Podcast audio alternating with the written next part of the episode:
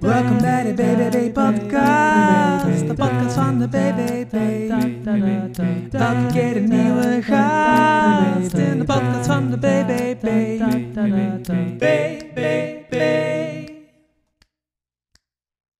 Beste luisteraars, welkom op de negende aflevering van de BBB Podcast.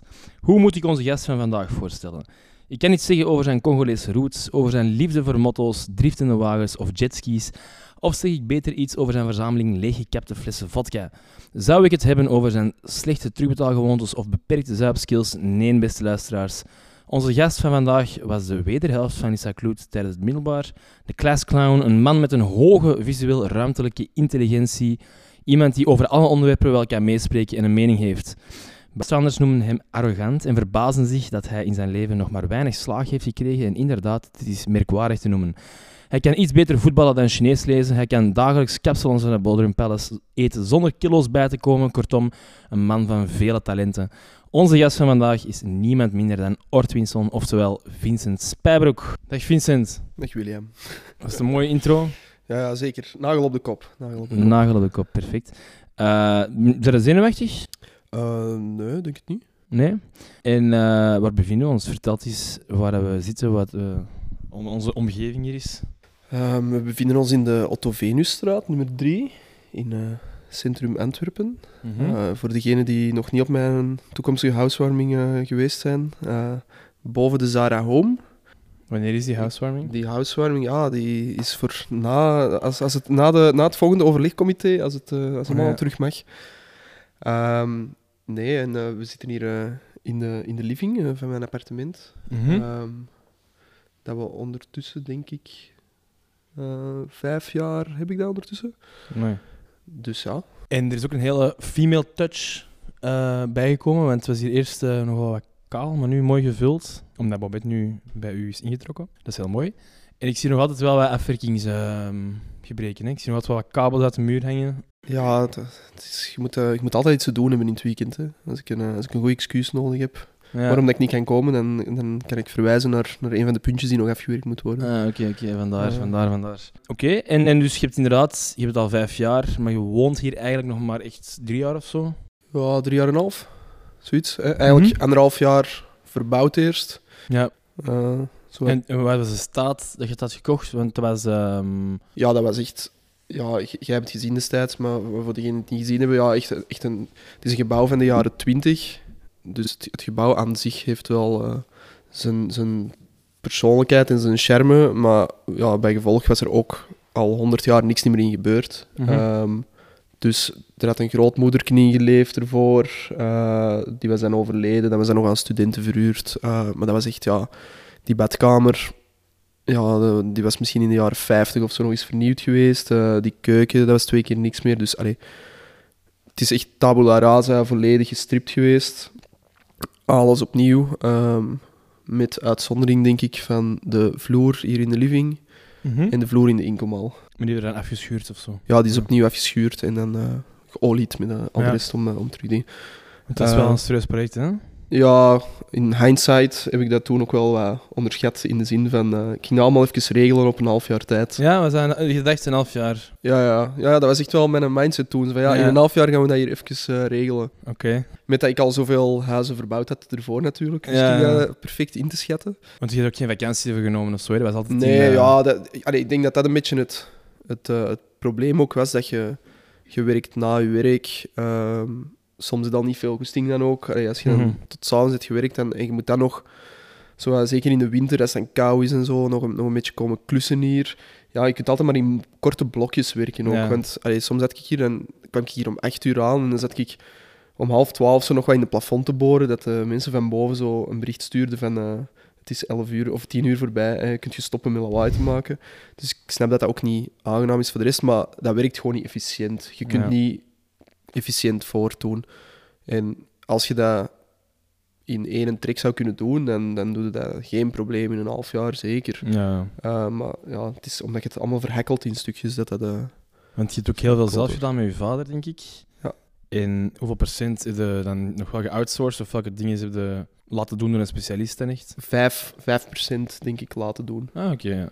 Dus eh, Elektriciteit of zo, of zelfs Nee, een nee, nee, loodgieterij het- of zo? Of... nee, allemaal zelf gedaan. Ah, ja. Ehm, het enige wat er gebeurd is door iemand anders, is de nieuwe ramen erin zetten. Omdat het eh, goedkoper was dan om de ramen geleverd en geplaatst te hebben, dan dat ik ze gewoon liet leveren en zelf plaatste. Omdat je dan met een btw-verschil zit. Oké. 6% tegenover 21%. Ah, oh, oké. Ehm, dus dat was gewoon goedkoper om te doen. Dus eh, de cheapo in mij dan dacht van, ja, dan laat ik het wel doen. Ja. Ehm, en eh, het bezettingswerk tegen de muur. Dus alles, alles van pleisterwerk, dat is ook opnieuw gebeurd. Dat heb ik ook laten doen, omdat dat echt iets is... Ja, dat is, ja, dat is echt specialistenwerk. Je moet dat als je dat nog nooit gedaan hebt, kun je niet een paar honderd vierkante meter zo mooi egaal afwerken. ja, maar dat is toch gewoon plamuur? Is dat zo moeilijk? Ja, ik daag je wel eens uit om, eh, om een mooie rechte muur te maken. Dat is geen gatje bij plamuren van een vijs. Hè. Dat is gewoon een, een volledige muur op de ruwbouwsteen uitpleisteren. Ah, oké. Ja, ja, ja, ja, oké. Ja, ik wist niet goed wat dat... Ik altijd wat dat juist was. Want bij de LD moest ik in de gang, in de trappengang, moest, had ik zo heel veel gatjes gevuld. Van, ja, weet ik veel, dat je met een iets, iets stoot. Ja, maar een putje of zo dat je erin. Putjes, ja. En Ja. ik vond dat eigenlijk vrij makkelijk was. Maar dat is Ja, nee. Hier moet u inbeelden, er komt een... eh, meestal is dat dan een, een Bulgaar of een Pool of zo. En die, Mhm. allee, met respect voor die mensen, maar die, die kunnen dat gewoon heel goed. En die, die spuiten daar met, met een machine in het beste geval iets tegen. Of anders ja, maken die dat ter plaatse in een ton en gooien die dat er tegen. Maar dat is, ja, dus je moet u een laag van een centimeter dik inbeelden, hè, die echt op een ruwe baksteen geplaatst wordt. En dan Ja. heb je een grote lat eigenlijk van een meter vijftig, waarmee dat die dat glad aftrekken. Dus Ah, wat dat jij met een plamuurmes rond een putje doet, doen die over de volledige wand. Maar je moet dat ja. wel allemaal mooi in hetzelfde vlak krijgen. Dus eh, daar begin ik allee, zelf echt niet aan. Ja. En wat zijn dan dingen dat je nog nooit hebt gedaan, die je dan zelf hebt gedaan? Ja, alles. Ah, ja, Al de handig zij op zich. Ja, ja ik, denk van mezelf... Allee, of, ik, heb, eh, ik heb vele pretenties misschien, maar ik heb de pretentie wel om te denken dat ik, eh, dat ik wel handig ben. Dus er zijn heel veel dingen... En ik denk dat iedereen die een beetje geen twee linkerhanden heeft, wel heel veel zelf kan doen. Mhm. je kunt veel leren ook. ehm, maar ja, dat is gewoon een beetje de mindset van begint eraan en je ziet wel hoe dat, dat loopt. En waarschijnlijk zal ik zaken veel inefficiënter doen dan, Ja. dan een pro dat doet, uiteraard. Ehm, maar ja, gelijk elektriciteit, loodgieterij, ehm, pff, ja, zelfs ruwbouw, eh uh, gyprokmuren, dingen, allee, zo van die dingen allemaal. Ik had dat nog nooit effectief gedaan ervoor, maar ja, aldoende leert men, eh, is denk ik wel het motto. En acht- vader heeft wel dat al gedaan, of ook nog niet ja, niet in een totaalproject of zo. Ja, Allee, je hebt wel het voordeel natuurlijk dat wij alle twee professioneel gewoon wel elke dag ermee bezig zijn. Dus dat wij altijd de wijsheid in pacht hebben wel, maar daarom praktisch niet, eh, niet kunnen per se. Mhm. Maar op zich weten we wel wat er moet gebeuren en, en, en hoe het in theorie moet. Het is gewoon nog even de theorie omzetten in de praktijk. ja. Zou je het opnieuw doen? Eh, toch wel, toch wel.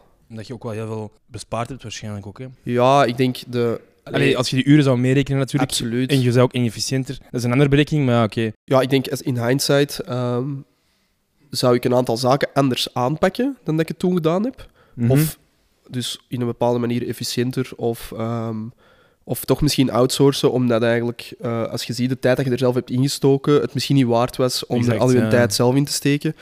Eh alleen een stom voorbeeld bijvoorbeeld is, er zijn heel veel eh, houten deuren hier met, met glas in. Ehm, en ik heb al die deuren manueel met zo'n brander de verf afgestript en dan dus die helemaal terug tot het hout gebracht om die dan opnieuw te, te schilderen helemaal. Terwijl op een gegeven moment wist ik dan ineens van, ja, dat er zo ergens een, eh, klein fabrieksje was waar dat je die deuren naartoe kon brengen en dan worden die in zo'n bad met zuur gestoken. Dus mijn laatste vijf deuren of zo heb ik daar naartoe gebracht. Dan kost je dat 50 euro per deur of zo. Ja. Maar ja, je zet daar nul uren tijd aan kwijt. Terwijl anders stond jij gewoon dagen aan één deur Ja. te schuren en te doen. Dus dat is heel inefficiënt en dat, ja, dat, dat leerde door, eh, door die fouten maken, denk ik. Uh, maar het is zoals dat je zegt, waar dat ik nu woon en, en het resultaat nu, ja, had ik nooit... Uh, allee, was nooit haalbaar geweest als ik dat afgewerkt had moeten kopen of als, uh, als ik dat allemaal had moeten laten doen. ja. Dan, uh, dan had die kost, allee, dan, dan had dat, dat kostenplaatje had totaal niet, niet geklopt. exact, Dus het is wel een manier natuurlijk om een, allee, om een bepaald niveau van afwerking te halen, eh, dat eigenlijk in theorie niet haalbaar is, eh, financieel dan vooral, op, eh, op die moment. Dus je kunt er wel heel veel, eh, allee, veel uithalen. Je haalt er ook wel een pak voldoening uit. Dat Eh, sowieso, maar anderzijds is het ook wel een aanslag echt op je, op je sociaal leven en zo, ook op die moment. En ik denk dat iedereen van ons die, die zo wat, zelfs maar minimaal een beetje verbouwd of, eh, of, of klusjes in zijn huis moet doen, waar het hem naar gaat verhuizen of verhuisd is of zo. Ja, je zit- er kruipt gewoon echt heel veel tijd in. Ja, ja. En eh, Ik heb dat ook met, met ons appartement, de Lange Leemstraat. Ik, heb dan, ik was dan gestopt bij Accenture. Ik heb daar een week eh, gepland, maar dat is inderdaad... Je moet ook vooral zo... Inderdaad, alle afplakken en zo, zelfs dat. Want Uiteindelijk hebben wij niet veel gedaan. We hebben gewoon geschilderd. Alles, alles geschilderd, maar dat, zo, alle afplakken is al zoveel werk. En dan moet je daar nog een tweede laag geven. En ook zo heel veel rondrijden en zo naar een Hubo weer voor dat of dat. En, en zo van die kleine dinges en zo. ehm, dat vond ik, eh, ja, dat soms op het einde van de dag dacht ik van, ik heb geen kloten gedaan. Maar gewoon zo wat het liggen rondrijden, omdat je weer iets vergeten bent, of je hebt te weinig verf of weet ik veel. mhm. En dat is, ehm er kruipt inderdaad wel wat tijd in. Maar dat is ook zo wat dat efficiëntiepunt dat, allee, dat jij ook een beetje aanhaalt, denk ik. Want ik had toen, net voordat hier aan begon, eh, had ik een grote trailer gekocht voor eh, een auto in te vervoeren en zo. Dus dat kwam supergoed van pas, want ik had zo'n grote gesloten mork Mhm. eh, voor van alles te vervoeren en zo.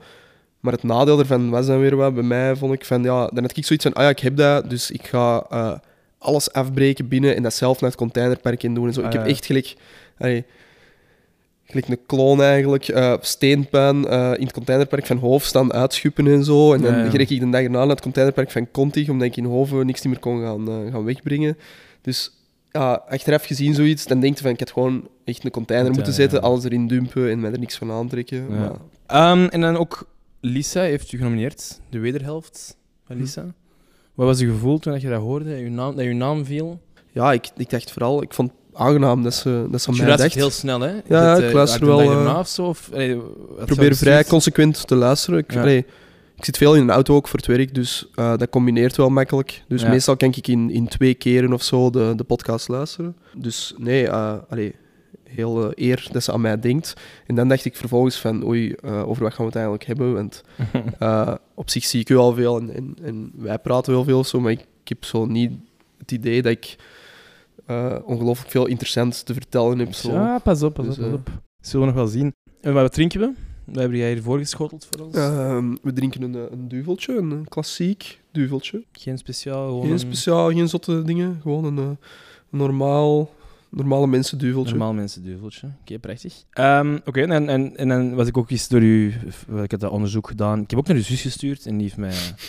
Allee, die heeft wel gereageerd, maar die heeft mij jammer genoeg geen, eh, geen juice gegeven. Ze ging erover nadenken. Ja, maar ik weet Eh, niet of dat je bij mijn zus daarvoor moet zijn. Dat kan, ja, dat is waar. Maar oké. Zwet. Eh, je hebt ook bij mijn vrouw Buis gezeten, zeg ik. Ja, ja. Op een klasfoto, dat we er ook samen Ja. op stonden. Aurelie had er wat trauma's over. Had jij ook zo ervaren bij Nee, ik vond, die, ik vond dat fantastisch, mevrouw Buijs. Ja. Allee, Omdat hij zo, lo- dat zo loco is. Allee, dat hij zo... ja, maar ik denk, ja, jij kunt dat ook de humor er wel van inzien. Zo. En ik kon Ja. volgens mij toen ook al wel van... Goh, Ja, toen, ik- toen al? Want, want Ja. denk ik toch wel... allee, ik had dan een chance dat mijn zus en mijn broer... Dat, die, dat ik op een goed blaadje stond. Maar ik weet niet dat ik toen al de, de humor ervan in zou hebben Ja, ik, gezien. ik, ik weet wel dat ik ten volle het besef had dat er iets mee schorde met die mevrouw. Allee, Ja. ja, die, allee, die verhalen ook zo van, van kinderen die opgesloten werden in de, in de berging, allee, zo in dat, in dat, in dat, in dat bergkot. Zo. Eh, of dat die ging roken in die berging, dat het dan zo keihard stonk naar, Ja, ja. naar sigaretten of zo. Of als je zo'n toets terugkreeg, dat hij ook zo keihard naar koffie en, eh en, rook. Ehm, maar hey, ja, dat terzijde, maar ik weet niet... Ik denk inderdaad dat wij vooral... Zo, dat dat zo'n angstbeeld was ook dat ervan werd opgehangen. Omdat dat ook zo een van de oudere leerkrachten Ja. was. Want als ik mij niet vergis, kent mijn vader die zelfs nog. Hm. Ehm, Maar leeft hij nog of weet je dat niet? dat weet ik echt Hmm. niet. Ik heb daar geen vriendschappelijke band mee overgehouden na, na, Ja, na mijn passage daar. Ja. Dus, eh, maar ik, ik, ik kan me niet meer herinneren dat ik daar ehm, achteraf zo'n zotte aversie van had of zo. Of, of daar echt heel hard mee geclashed heb. Ik weet wel dat dat echt vaak cinema was in die klas. Maar vraag me niet meer specifiek. Alleen wat, Nee, is lang geleden. Wat de redenen jaar, daarvan waren. 20 jaar geleden. Ja. ja, hoe oud zijn ze dan? Dan zijn het tien jaar. Tien hè. jaar, hè, ja, het Ja. vierde, ja. Nee, nee, tof. En dan RP Algemeen, heb je daar goede herinneringen aan? Ja, toch wel. Was je een goede student? had jij ook zo gedragscontracten en zo? Of jij wel... eh, Eh, ja, ik heb wel, eh, wel wat gedragscontracten eh, aaneengereicht. ja. Ik weet ook niet, ik weet, Lisa had altijd een babbelcontract. Maar ja, die was vorige keer bezig over een geel papier en zo. Ja, maar dat was een geel papier. Maar ja, je hebt dat nooit gehad. Een Dus babbelcontract. ja, je had, je had gedragscontracten en babbelcontracten. Maar eigenlijk was dat hetzelfde. Dat was zo'n soort puntenlijstje op inderdaad een geel papiertje. En ik denk, het andere was een roze, dat weet ik niet meer Je juist. bedenkt zo'n dinges. Ja. Ja, dat, dat, zal, dat moet een ongelofelijke vergadering geweest zijn op, van het bestuur van Regina Pages. Toen dat, dat geïntroduceerd werd, van ja, dit is echt de oplossing. Hiermee gaan we het echt gaan we het allemaal aan banden leggen. Ja, die, die gedragscontracten, dat is volgens mij begonnen als, wij, eh, als ik in het derde zat met de Bormans en de, en de Lars Kranen en zo. Dan hebben wij het echt een jaar echt Ja. extreem uitgangen met de Antoine Waterkijn. Dat Ja. zo, en, en de eh, Jan Lebbe, dat wij die shows daar opvoerden en zo. Dan, ja, de, de Jan Lebbe, we hadden die echt zo ver gekregen dat hij zo'n rapshow gaf om, om de zoveel lessen. Ah, ja, ja, ja. Zo Dr. John. En dan, wij beheerden dan zo die zo'n, zo'n eh, dat was geen Facebookpagina, Nee, dat dat was zo'n, zo- eh, ja, nee, ehm, Ah, eh. Messenger, zo, zo'n, Ja. mes- ja, je had iets van MSN, een MSN-pagina, zo, zo echt, je kon zo'n soort mini-website maken. Ja, MySpace denk ik misschien, ja. ja, ja, allee, ja. doet er niet toe. Ehm, ja, en, en toen, allee, dat was met de Valère ook en zo, dat was een superleuk jaar, maar ik, ik kan me echt begrijpen als leerkracht ja, dat het dat echt niet was. En, en daarna hadden we allemaal zo'n contract aan ons span. Ehm, en dat was inderdaad, dan moest je dat zo elke les gaan afgeven Ja. en dan zo'n punt krijgen. En als je dat achteraf bekijkt, is dat echt een, allee, een heel onnozel systeem eigenlijk. Mhm. Ehm, maar oké, los van die gedragscontracten heb ik wel echt, ehm, allee, zoals denk ik iedereen van ons, supergoeie herinneringen aan, eh, aan Regina. Ik heb ook nooit op een andere school gezeten, dus ik heb Ja. echt van, van eh, hoe noemt dat, het zomerklasje eh, Mhm. tot de laatste dag eh, middelbaar daar doorgebracht. Ik, ik kan ook niet vergelijken met andere scholen dus. Maar ik zou, allee, als ik zelf ooit een kind heb, zou ik dat ook daar willen steken. Gewoon vanuit het principe dat ik dat wel echt ongelooflijk vind hoe dat je van in de kleuterklas nog met dezelfde mensen kunt samenzitten, eh 15 jaar later letterlijk. Eh, en dat je ook wel ziet wat voor, eh, wat voor een band dat, dat creëert. En zelfs los van ons onderling, andere mensen die je niet meer vaak ziet of zo. Je merkt nog altijd wel dat dat, allee, dat, dat hartelijk is. Zelfs de mensen waar dat je misschien geen vrienden specifiek mee waart vroeger Mhm. of zo, dat, dat creëert op zich wel een, een leuke band. En ik denk dat dat veel minder is als jij om de zoveel tijd van school moet veranderen. Als je na de kleuterschool moet veranderen, nog eens na de lagere school. In 2019 hadden wij ons tienjarige jubileum op de oud-leerlingenavond. En we hadden ook zo'n Facebook-evenement aangemaakt. Mhm. En dat was inderdaad ook zo hartelijk, inderdaad, als in van... Dat zijn mensen die je vroeger misschien niet moest, of misschien soms zelfs gepest of whatever, of, of, of gewoon uitgesloten of whatever zo. Maar dat was wel leuk, gewoon die reunie. En gewoon, Ja. nu boeit het allemaal niet en dat zo... Ik herinner me nog wel van, van als we die pagina toen gemaakt hadden, want dat was een Facebook-eventje Ja, of zo, denk ja. ik. Hè, dat inderdaad ook zo'n een Jeroen of zo. Of allee, mensen waar dat je, dat je altijd wel toffe mensen vond vroeger, Ja. maar dat misschien niet je beste vrienden waren of zo. Of zo'n Bert Hellemans of zo. Ik vind dat echt een aimabele gast. Die, die stuurt elk jaar eh, stuurt die voor mijn verjaardag, bij wijze van spreken. Die, die, die hoorde zo toevallig af en toe nog eens. Ik moet zeggen, het is misschien een totaal ander voorbeeld, hè, maar nu met Nino onlangs Ja, ja, was echt zot om wel heel veel mensen van Regina, die je, die je inderdaad misschien al tien jaar niet meer gesproken hebt of gehoord hebt, mhm. van, dat die wel uit hun eigen ook stuurden naar veel van ons. En eh, ik vond dat wel, dat toont een beetje aan inderdaad, van Ja. dat dat op zich een, eh, een heel ja.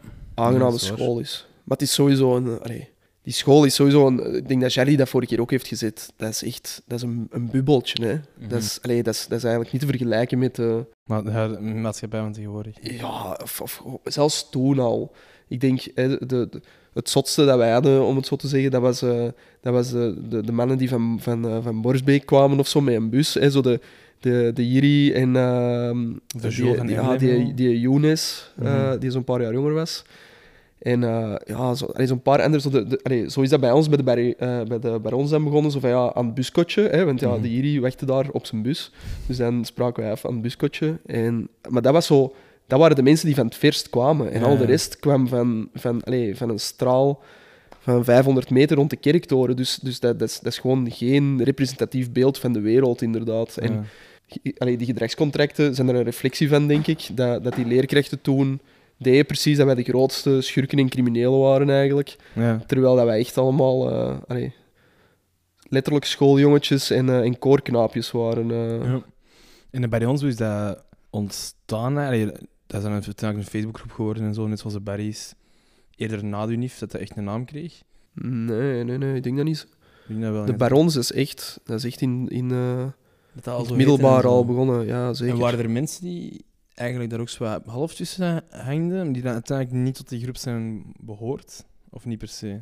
Nee, ik denk dat niet echt. Ik denk dat, ja, ik wil het eens opzoeken wanneer dat, dat inderdaad begonnen is, maar dat is wel echt al lang geleden. Ik denk dat dat wel, want Barry's is 2011 en dat is twee jaar na studeren. Dat wij echt dat een naam gaven in een Facebookgroep enzovoort. En bij ons was wel ervoor, maar ik denk niet dat dat in... Nee, dat is sowieso ervoor, want die, wel wij was. maakten altijd, dat is, volgens mij is dat eigenlijk begonnen, ja, wij, wij spraken altijd af, als we naar scoutsfeestjes gingen en zo, of bij de, eh, of bij de Didi, of bij mij in het eh, brommerkot, gelijk dat we dat Ja. noemden, of bij de Bormans in zijn, eh, in zijn ja. kelder.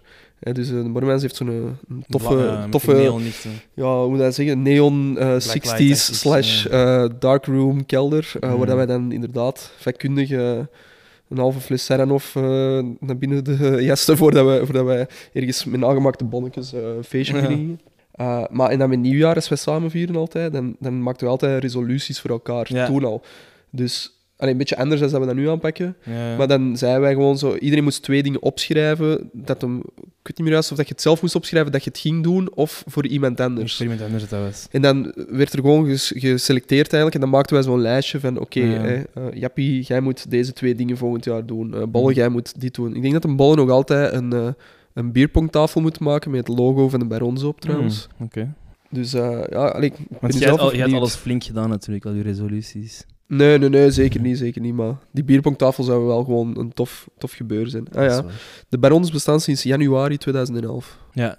Maar dat zijn inderdaad de Facebook dingen. Ja. Maar ik kan me dat je de groep ervoor wel... Maar ja, eh, Facebook, dat, dat bestond toch pas nee, want in, eind vijfde. ik had Facebook, ja dat bestond In- al langer, maar ik had Facebook zelf inderdaad sinds vijfde met, Met de Parijsreis, en- ja. Of, of, Ja, ja, dan is dat zo gestart bij ons. Juist. Oké, mooi. Oké. En je hebt ook wel wat hobby's gehad vroeger. Eh, je hebt bij Hovensport gevoetbald. Ja, Mooie periode. zeker. Ook eigenlijk heel veel eh, bij ons. Bij Hovensport, een verleden bij Hovensport. Je hebt ook veel foto's in kostuum. En flessen wijn of vodka. En ook een liefde voor brommers. En hoe, hoe komt dat? Of, is dat je vader die zo wat mee in dat... De liefde voor vodka of Nee, nee, voor, voor, voor brommers. voor eh, Eh, rijdende voertuigen en zo. nee, nee, helemaal niet. Helemaal niet. Ik denk dat mijn, mijn vader één brommer of zo heeft gehad ooit vroeger. En sindsdien nooit niet meer iets. Maar die is wel into wagens, of is dat door u? eigenlijk? Ja, ik denk dat dat een beetje omgekeerd is net. Ah, ja. Eerder zo, allee, mijn, mijn pa heeft wel altijd zo'n oldtimer gehad ook. Maar niet dat hij daar zo aan zat Mhm. te sleutelen de hele tijd. Ja. Dus, eh, dus ik denk dat het omgekeerd net is dat, dat ik een, een, een grotere eh, link daarmee heb. En dat dat nu omgekeerd is, eh, dat mijn vader veel meer eh, affectie ermee heeft eigenlijk. Dan eh, door, doordat ik eh, er van alles mee deed. Ja, hoe is Hoeveel dat? brommers heb jij gehad? Je had een, een dak zeker, zo in blauwe zo? Die, Ja, ik, ik, mijn allereerste brommer heb ik nog... Ja, nee. Technisch gezien is mijn allereerste brommer, als ik even afwijk nu... Smiddags ging ik altijd met Borremans en Didi vaak thuis eten. Mhm. Dus bij iemand. En op een dag staat er bij mijn buurvrouw zo'n... Echt zo'n... Een, halve trapbrommer slash half racebrommerke-achtig iets zo. Ja, zo een, een vredelde Camino, ik zal het zo noemen. Te koop. Allee, die, die had dat staan en mijn vrouw zo, ah, wat wil ervoor? En die wou er 50 euro voor of zo. En dan hebben wij dat gekocht. En dan gingen wij smiddags. Allee, dus dan, dan heb ik Ja. hier zo aan geprult, maar ik kende niks van brommers. Hè, maar ik was, ik was 14 of 15 jaar Ja. of zo. En dan, eh, dan hebben wij er wel aan geprult totdat dat werkte. En dan gingen wij smiddags, dus tijdens de middag van school, gingen wij met een brommerij in mijn tuin. Dus dan, dan reden wij zo gewoon wat rondjes in een, eh, in een tuin. En dan op den duur werd het al zo wat... Allee, dan waren we al wat vertrouwd ermee. En dan reden wij zo, want dan spraken wij vaak van in de lijst ook. Reden wij zo met twee op die brommer dan, maar we waren 15 of zo. Om dan zo met de Niels Ongena en, en die mannen van Sint-Gabriel zo... Oh, wow, ja. Eh, dan reden wij met die brommer naar daar. En dan ben ik met een Didi nog eens in de dreef gevallen en zo. En het is geëindigd met die brommer toen de remmen niet werkten en dat ik in het zwembad thuis ben gereden. Nee, echt? What the Ja. fuck? En, en ja, die, die is dan op stort geëindigd. Maar oké, dan werden wij 16. En dan hebben wij... Alleen, dan spreek ik eigenlijk terug voor Borremans, eh Didi en ik. Dan, nee, ik denk eerst Didi en ik hebben dan een Dax gekocht. Dus Mhm. die, die een appelblauw zeegroen dat je zei. Ja. Eh, ben ik samen met een dit toen naar, eh, naar Nederland. Naar, ah, hoe noemde die man weer al? Bij Jan thuis heette dat bedrijf. Dat is een gast en die, die, had, die, die had een bedrijfje thuis waar hij oude deksen verkocht. Zijn wij allemaal naar Nederland gereden voor, eh, voor twee deksen te gaan kopen. Dus in die heb ik nog altijd. In de DDA ook. En dan heeft een Borremans denk ik wel eerst een... Die heeft hij ook nog? Ja, die Is heeft dat ook dan in, eh, in Hoven of wat? Ik vermoed dat, ja. Mm. Ja, en, eh, en de Bormans heeft dan een goede zaag thuis gespannen. En dan heeft hij uiteindelijk ook... die heeft een monkey gekocht, en Ja. zo'n kleintje. En van- een boa had ook zoiets, of was dat een gorilla? Een boot een gorilla. Dat Ja. Maar het is eigenlijk hetzelfde met Dat een andere tank. dat weet ik nog. Dat vond ik de coolste brom. Ja, en, en daar is dat zo wat begonnen dan, zo van... Ja, de, de- allee, wij waren er gewoon veel mee bezig. En ik had dan zo inderdaad thuis het brommerkot. En dus Ja. de rest kwam zo wat sleutelen aan zijn brommer ook bij mij thuis. En dat, dat, dat waren gewoon zo toen, die brommertjes. Dat was plezant. Allee, dat was Ja. ook zo gekend om zo van alles eraan te veranderen. En je had inderdaad ook zo de, de Geta en de Max Dorney. En die gasten die een jaar ouder waren, die waren er dan al een jaar langer mee bezig. En de Max had ook thuis, al van vroeger, zo'n oude brommertje. Dus zo is dat wat begonnen, ja. En, en ik denk dat wij er iets te loco in gegaan zijn. Sommigen wat meer dan anderen. Dus mezelf vrij ik herinner loco. inderdaad nog wel dat, dat aan de bips, dat wij dan op een bepaald moment wel met z'n allen ook aan de bips stonden. Of zelfs nee, misschien met de Barry's alleen, maar ondertussen hadden de Barry's ook... Allee, je had Guillaume met een Mm. brommer, de Jules denk ik ook. Ja. Ook een Dex of zo. Jardy had er dan ook een... eh, de Tom had zo'n booster. Ja. Eh, ik ben, iedereen had dat ook. Nino heeft Nino dat gehad? Nee. Nee, niet nog niet. Ehm, Fred had ook zoiets, hè? Die had ook zo'n ja, Fred zo'n had ook zo'n... Nee, nee, had Fred geen scooter ook zo? Zo'n Zo'n- scootertje, ja. ja. Goh, man. Zat dat iedereen Ja, dus had. op zich eh, hebben wel veel mensen dat gehad. Heel ja, veel, hè? Zat, ja. En eigenlijk was de, op een gegeven moment was de lol er dan zo af, omdat dat dan in school verboden werd. Zo, Ja, eh, als, je, als je niet ver genoeg woonde. Dus dat was dan helemaal absurd. Want dan kwamen we met een brommer naar school om die dan buiten de schoolpoort te parkeren. Maar ja, ik woon ja. Nog geen kilometer verder, dus ik had even goed mijn brommer thuis kunnen laten staan. hè. Ja, en, en ik weet ook nog dat er dan smiddags aan de beep, dan ging dat ook constant over uitlaten die dat ze Ja. kopen, of over Ja, wij een waren, Bo die dan ook weer al een of ander stuur eh, in een racemotto wou maken, of allee, zo niet. ja, wij waren echt wel... Ik werd daar op een bepaald moment zelfs echt van, geobsedeerd. omdat ja, ik, ik als buitenstaander dan kon Ja, daar niet ik- meepraten. Ik begrijp ook, als je daar niks mee te maken hebt, moet je echt gedacht hebben van Hm. Jesus Johnny's en, en freaks gewoon.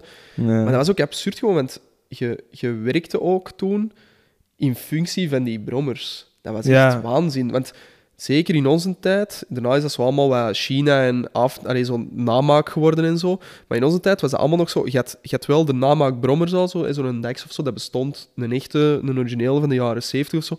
Maar ook in namaak uit China, dan kon je bij een RMC zo'n Chinese Mhm. eh, Dex gaan kopen.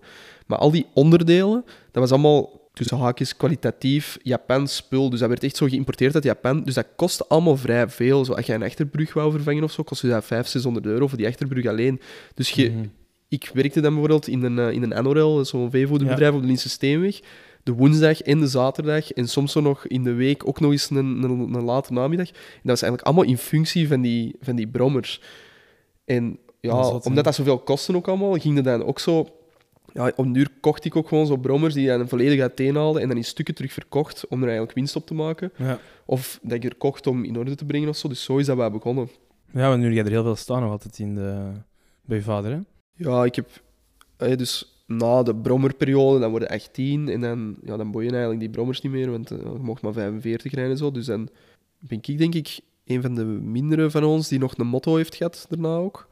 Eh, dus die wel zo nog daarop is overgestapt. Motto Dax? Ja. Ja, ja, dus dat was echt ook zo. Ik moest en ik zou de dag dat ik 18 zijn echt een zotte Motto-Dex hebben. Dus echt een jaar aan een stuk gespaard, gebouwd eraan. Echt voor, voor een belachelijk duur machine te maken. En dan echt vijf maanden ermee gereden en volledig uiteengehaald en in stukken verkocht daarna. Ah, oké. Maar ja, en dan, dan had ik gewoon zo alleen nog mijn originele jaren niks mee, niet veel mee gedaan eigenlijk. En dan nu eigenlijk met corona merkte zo van dat heel veel mensen die, die vroeger in dat wereldje zaten, die nu allemaal 30 zijn inderdaad, zo, Mhm. die ja, daar zo terug wat mee bezig waren. Dat, dat was zo ineens zo'n on-the-side hobby geworden voor veel mensen. Dus ik ben zelf ook zo terug begonnen met gewoon, ja, dan koop ik zo ergens een brommer en dan ja, maakte ik die zo wat in orde, want ja, ik had niks anders te doen. Ja. En dan verkocht ik die gewoon zo. En ik probeerde er zo'n spelletje van te maken, van er allee, zoveel mogelijk eh, aan te verdienen. Ja. Ehm, en ondertussen ja, heb ik, ik heb dan zelf een paar van mijn eigen, dat ik gewoon altijd wil bijhouden. Dus zo'n bepaald model of zo dat ik nog niet had ervoor. Als ik dat dan kan kopen nu, dan wil ik dat ook gewoon bijhouden. Omdat ik, ik wil gewoon zo al die types, die verschillende types ooit hebben. Ja. En dat is gewoon leuk om, om dingen... Maar dat moet niet meer zo'n zot uitgebouwd, eh, Ja. gemodificeerd ding zijn. Gewoon zo vrij origineel. Eh, maar gewoon zo, je hebt een paar van die bekende modelletjes in die mini-motto's eigenlijk, laat het ons zo noemen. En dat is gewoon, ja, dat is gewoon een hobby eigenlijk eerder van het, het sleutelen en het kopen, verkopen is meer zo het, eh, allee, het middel eigenlijk om tot de collectie van de, allee, de complete reeks te komen Mhm. zo van, eh, van modellen, laat het ons zo zeggen. Ja. ja, wat cool dat je zo handig bent. Ik denk dat weinig van, eh, niemand van de bij ons zo handig is als u, denk ik. Ehm, en je hebt ook zo'n zeeperiode gehad, hè? Of, of ehm, allee, af en toe waren er nog naartoe, maar dat is omdat je ouders er in Kok zeiden, denk ik. Ja. Al heel lang in een appartement. Ja. En daar heb je er ook heel veel gewerkt in de zomer. Hè? Zo, ehm, ehm, ik heb ook heel veel foto's van wakeboarden, kitesurfen. Allee, je hebt heel veel eh, daar ook gezeten en zo. En, en, wat, wat moest je daar juist doen in Kokzijde? Of wat was je job eigenlijk juist? Of? Ja, dat was na eigenlijk het... eh, ik denk dat dat het laatste jaar van het... Nee, dat was niet middelbaar. Dat was denk ik vanaf de UNIF. Ja. Vanaf de UNIF inderdaad, dan ging ik echt... Ja, dan zat ik vier maanden of zo aan de zee elke keer. Dus na de examens, in, eh, in eind mei, juni vertrok ik of zo. En ik, allee, ik was eind september kwam ik terug. Allee, en af en toe kwam ik zo tussendoor eens naar Hoven en zo. En eh, ja, wat was dat? Dat, dat- dat was, ik werkte bij een bedrijf dat ehm, boten verhuurde. Mhm. Eh, en die, deden, die hadden eigenlijk twee takken. Ja, drie eigenlijk. Ehm, die deden zeilboten. ehm, en dat was meer zo voor bedrijfsincentives echt. Dus dat was dan zo van, ja, dan ging ik gewoon mee op die zeilboot ook. Als deel van het, het organiserend bedrijf. Hè. Dus dan had je een kapitein vaak, en dan ik of zo. En dan zo'n ja, zo'n bende van 15 van die corporate mensen die dan zo oesters en champagne eh, eten op een, op een zeilboot op een windstille dag of zo. Allee, zo snap je dat je zo denkt van wat is de point wel? Maar ja, dat is het concept van incentives. Hè. Ja. Ja, oké. Ehm, dus dat was één ding. Dan hadden die ook hetzelfde weer zo binnen dat incentive kader eh, vaak. En ook heel veel vrijgezelgroepen Mhm. die zo van die powerboats verhuurden. Dus wij hadden zo twee van die ja, echt grote eh ribboten, een beetje van die offshore rips, eh, waar dat jij 120, 130 mee kon vlammen op zee. Mhm. Eh, en dan pakte jij gewoon ja, zo vijf, zes van die, van die mensen mee aan boord. En jij moest En dan varen. ja, en dan vaarde gewoon zo een half uur, 40 minuten of zo. Tot dat, en ja, een beetje afhankelijk wie dat je mee had, kon dat ook heel leuk worden, omdat die mensen er heel hard in meegingen. Zo van, ja, hè, laat u maar eens goed gaan. En je had ook mensen die echt weenden van, van, de, van de schrik soms. Dus dat was wel leuk. Ehm, en dan het derde was dat die individuele bootjes verhuurden zo. Dus allee, daar heb je misschien ook foto's van gezien. Eh, dat zijn van die kleine, ja, dat noemden wavecards. Dat zijn eigenlijk kleine Zodiacs waar dat je met twee of met drie op kon zitten. eh, Met zo'n 40 pk, dus niks zot. Maar Ja. daar mocht je zo zonder vaarbewijs mee op zee. En dan werd dat zo gegroepeerd. Maar dat was eigenlijk de main activity wel zo. Want wij hadden, afhankelijk van het weer, hadden jij misschien tien runs eigenlijk op een dag. Dus dat was elke keer binnen een blok van een uur en een kwartier of zo. Mhm. eh, dat jij ja, een groep van tien van die bootjes met één tot drie personen op. Je moest die een briefing geven. Allee, Mhm. en dan die boten zo begeleiden uit de haven allemaal. Op zee die begeleiden, zorgen dat die geen idiote dingen deden. Dus dan had ik mijn eigen boot gewoon. Maar je bent eigenlijk een soort badmeester Ja. die zo wat toezicht moet houden. En ja, dat was een superleuke job, hè, dus absoluut. Maar achteraf gezien ook, denk je van, mij dat was eigenlijk zo onverantwoord vaak. Want ja, ik heb er echt accidenten gezien ook, van, van ja. mensen die echt geen clue hebben wat ze aan het doen zijn. Allee, dat, is, dat is een beetje gelijk dat ik zou zeggen van, ja, hier zijn, hier zijn tien eh, raceauto's. Hè, we gaan maar allemaal op circuit rijden, zonder dat iemand ooit met een auto heeft gereden. Ja. Zo van, ja, doe maar, doe maar op. Daar kwam dat eigenlijk een beetje op neer, als je er achteraf over nadenkt. Het is een beetje zoals gaan zeilen zonder dat je echt eh Ja, hebt. bijvoorbeeld. zou ik echt nooit doen. In Kroatië, we zijn naar Kroatië geweest, inderdaad, Bo en jij, mijn Bo had dan meer zeilervaring Ja. en dan had meer de manoeuvreer slash motor. eh, maar dat is eigenlijk... Ja, tot dat is ons, echt tot ons allerlaatste manoeuvre is dat, verbazend goed gegaan. Ja. is dat inderdaad echt heel, eh, heel chic gedaan eigenlijk. Ehm, dat was, want daar hadden we wel wat stress voor hè, met die Ja, verzekeringen en met die Absoluut. Maar eh, geen accidenten als chance. Ehm, nee, maar dat is wel een mooie periode, denk ik. Hè? Dat je ook veel kon wakeboarden, surfen. En, ehm, ja. Ja, dat was ook de periode dat ik... ehm, ik, heb, ik heb lang eigenlijk eh, vrij goed gekite ook. Ja. Want dat is eigenlijk zo in het middelbaar wel begonnen. Want ik ben ermee begonnen voordat mijn ouders het appartement aan de zee hadden. En dan werd mijn vader ook zo zot op den duur, omdat, eh omdat hij veel met mij over en weer moest rijden naar de zee. Want ja, ik was... Omdat je zes- Ja, ja. ik was 16 of zo, dus ik had geen, geen rijbewijs.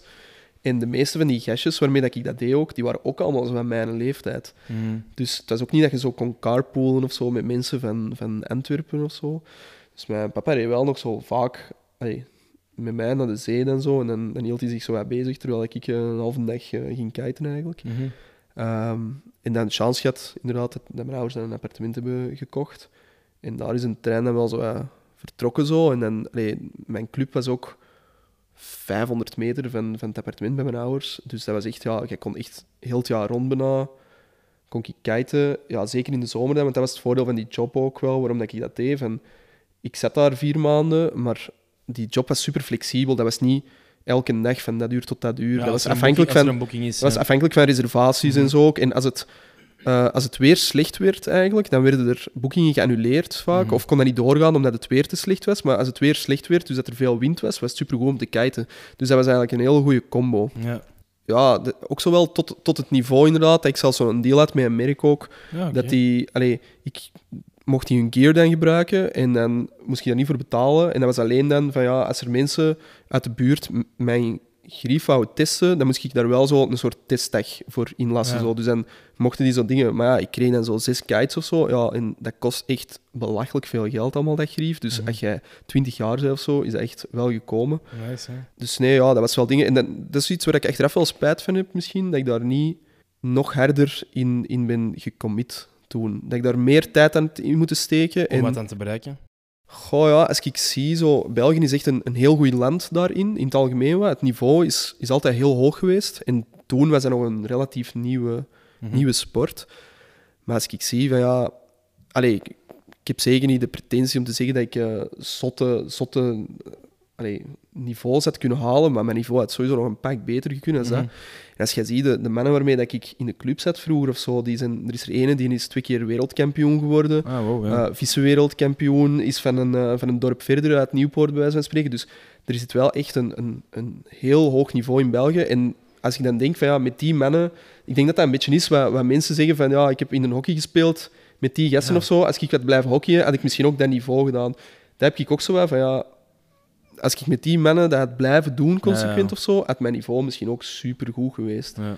En nu was dat gewoon, dat was above average, maar niet om te zeggen dat ik eh, hoge toppen zou scheren of zo. En dat denk ik zo van, ja, er zat misschien wel meer in. Maar de Gildien is eh, heel hard into eh planksurfen nu. Hè? Heb je dat zelf ooit ook gedaan of graag gedaan? Of waarom niet? Of... Ik heb dat een paar keer zoiets sporadisch kunnen testen, maar dan spreken we over aan de Belgische kust, waar dat sowieso al niet, sorry Jill, maar niet de, niet de zotste golven zijn of zo. Mhm. Dat is een totaal ander, andere Ja, je discipline. moet constant teruggaan, terwijl met een kite kun jij gewoon blijven knallen eh, de hele tijd niet. Of... Ja, ja, Ja. ja. kort door de bocht wel. Maar dat is, allee, dat, is, dat is iets totaal... Ik denk dat dat heel moeilijk vergelijkbaar is. Ik denk dat van alle bordsporten, dat je kunt zeggen, ja, een bordsport, ja, je hebt een beetje plankgevoel. Ja. Maar ja, dat stelde dat, als ik een, een snowboard pakte of zo, ja, ik kon dat niet, maar je zet daar snel mee weg. Ja, want we waren gaan zo skiën en jij waart... Jij kon net dat nooit gedaan, is op je, veel, 20 Mhm. of 21. Maar Ja. dan, ik weet dan dat dat zo je eerste... Maar ja, dat is inderdaad, je wordt er vrij snel mee weg, omdat je die... Ja, ik denk, had. dat is gewoon een beetje feel. Ja. En ik denk, allee, Bormans ook nu, zit hij op een, eh, zit hij op een wakeboard of zo achter een boot. Ja, dat zal wel lukken. Mhm. Die, die zal er wel mee weggeraken. Dat is, allee, dat is iets dat... Dat is een beetje een gevoel dat je ontwikkelt, vermoed ik. Ehm, Maar ja, het is anders. En, allee, beetje de commitment dat Bormans nu heeft. Van, eh, van ik ga... Hè, hij was van de morgen ook... hij was gisteren op tijd in zijn bed, want vanmorgen ging hij om zeven uur opstaan om te gaan surfen in zot. Domburg. Ja. Als ik hier buiten kom, sta ik nu al te bevriezen. Dat is iets wat ik altijd gehaat heb, kou. Ja. En allee, zeker Ah, het is zo- november nu, hè. het is pokkenkou. Ja. zo'n beetje op zo'n surfplank gaan drijven in de zee, zo peddelend nu. Pff, mij, je mag het echt eh, hebben ja. Maar Ja. nee. Dus, ja, mooi, mooi. Mooi verleden gehad, hè. Ja, en ik denk, het toffe was ook, op een gegeven moment is een boot en eh, ook naar de zee ja. gekomen. Die werkte er in een catamaran-club of zoiets. Ja, was dat? ja. In de zeilclub. Ehm, Dus het- ik denk dat hij twee jaar eerst bij mij geslapen heeft altijd. Mhm. Ehm, en dan huurde hij daarna samen een appartement met, eh, met een paar andere monitors van de, van de surfclub. Ehm, ja, en de body gaf dan inderdaad zeiles. Dus die zat daar ook eh, in de zomer, eh, heel de zomer. Dus dat was kei tof. Want ja, ik had wat combinatie vrienden van thuis, mijn vrienden van daar. Allee, ik heb wel Mhm. daar een totaal aparte vriendengroep opgebouwd doorheen de jaren toen. Ehm, maar je ziet ook met veel mensen die wat in diezelfde situatie zitten, die eigenlijk zo seizoensgebonden daar, daar zijn. Maar dat was een heel toffe, toffe vibe, want, want ja, iedereen had zo wel zijn jobje, maar dat waren allemaal wel zo van die chille jobjes. Zo. Allee, wij waren eigenlijk goed betaald. Je had een toffe job. Allee, wij zagen kakbruin op het einde van de zomer, omdat je gewoon echt heel de dag op, op, op, op zee waart. Wij konden elke dag gaan feesten, bij wijze van Er spreken. bleef niet veel geld over. eh dat zei een boot denk ik ook toen in Kroatië. Dat, eh, Ja, dat was, dat was ook een beetje zo van, ja, je, je, je leefde... Allee, je werkte om te leven daar. je Zo. duur- ja, je leefde ook duurder daar Ja. dan als je thuis Ja, dat, dat, is, dat is wat je in de intro misschien gezegd hebt, van de, de, de vodkaflessen of zo. Ja. Ja, dat was die periode. Dat was gewoon, ja... Wij, wij hadden letterlijk... In, je had een café, de, de Viking. Dat was zo'n... eh, ja, ik denk dat je er ooit mee geweest bent wel. Zo'n wel. ik danscafé, denk dat wel, ja. ja. Maar dat is zo meer wat voor de, de lokale mensen, zo voor het... wel, laat het ons zo het chicere volk zo wat noemen. Zo, of zo. Ja, er komt er niet op je flipflops binnen, zo van die Mhm. dingen. Ehm, en ja, dan hadden wij daar gewoon zo achter de bar, inderdaad, onze eigen fles zo met zo'n sticker op met onze naam op. Mm. Dat wij gewoon zo, wij kwamen zo één glas of twee glazen drinken en dan waren wij terug weg. En de dag erna kwamen wij terug. Dus dat, je bestelde daar gewoon een fles voor de rest van de week, eigenlijk zo. Dus, Mhm. En ja, als je dat achteraf uittelt, is dat waanzin wat dat je daar hebt achtergelaten. Mhm. Maar dat was gewoon toen, ja, iedereen zat zo in die situatie van, je verdiende op zich wel goed, ja, en wij leefden voor de rest op het, op het strand, letterlijk, en, en op de zee. Dus ja, buiten, buiten s'avonds je geld uitgeven nog aan, eh, aan wat drank of zo, deden niet veel, eh, deden niet veel op. Je had ook thuis, allee, dat was de periode dat wij studeerden of zo, Mhm. Ja, het was niet dat je, dat je zotte kosten had of zo erbuiten voor de rest. Hè. Dus eh, ik denk, allee, dat, was, dat maakte het ook leuk, hè, dat je... Ja, ja, mooi. Weet je al over wat de quiz gaat gaan? Heel aan vermoeden. Ik zei er juist in een auto tegen Bobby, die gaat sowieso een quiz over Congo doen. Mm, wie weet, wie weet, wie weet, wie weet. Oké, we gaan, we gaan een, eh, een vraagrondje doen. Met wie was uw eerste kus? Met eh, Charlotte van den Einde Echt? Ja, ah, wow. op Three Rooms. Three gaan Rooms. niet meer samen even, Oh. hè, niet? Ja, ik was ermee samen. ook. Three Rooms, zalig. Three Rooms. Als Voor je- de luisteraars die dit horen, kan er iemand Three Rooms eh, nog eens leven inblazen? Eh, ja, maar oh, dat bestaat toch nog? Ja, ik weet het niet. Ja, Misschien moet corona. iemand, iemand die, de, die de basis van Three Rooms begrijpt, dat nog eens even terug eh, activeren. Ja, standaard ook eh, een bus Albanese inliggen voor, voor dan zo wat te schoppen. En, eh, Ja, hoort erbij. Hè. Hoort Dat is- dat ja. sfeer, hè. Dat is een Ja. sfeerelement. als je geen architect was, welke job zou je dan beoefenen? Vind ik moeilijk. Ik heb er wel later, als ik, eh, allee, als ik afgestudeerd was, eh, wel eens over nagedacht. Dat was altijd zo'n zelfsprekendheid. Allee, in mijn hoofd toch, ik zal het zo zeggen. Dus eh, dat was heel... Ik heb er nooit lang over nagedacht van, nou, ik ga iets anders doen. En achteraf gezien, als ik dan zo bijvoorbeeld met de Nino of met een Maggie of zo sprak, dan dacht ik altijd van, hm, mij geneeskunde, dat is toch wel echt... Ik vind dat wel echt een, een firm Ja, vak. Allee, dat is echt een, een, een métier, zo. Ook al zeggen die gasten vaak van, maar oh, dat weet ik toch niet, of dat weet ik toch niet, dat, dat je zo denkt van dingen, maar ik, ik weet niet of dat ik het zou kunnen hebben, om, omdat ik... Ik was altijd zo'n student ook van, ja, zeer last minute, zo eh, korte termijn geheugen, alles erin steken, en dat, dat liep wel vlot voor mij, maar ik weet niet of dat zoiets pakt als je, als je die leerstof moet, eh, moet verwerken. ja, als je na zes jaar ineens een examen krijgt van je afgelopen zes jaar, dat je wel zo... Ja, Ja, ik kan het niet goed inschatten. ja. Dus Want, want puur qua stijl vind ik dat, allee, en, en qua vakgebied vind ik dat wel echt iets. Ja, dokter dan. En inderdaad, want over architectuur, dat is dan omdat je vader architect was, dat je er altijd van uitging dat jij dat ook zou doen. Ja, niet per se eigenlijk. Want mijn vader zei altijd van ja, je moet dat niet doen.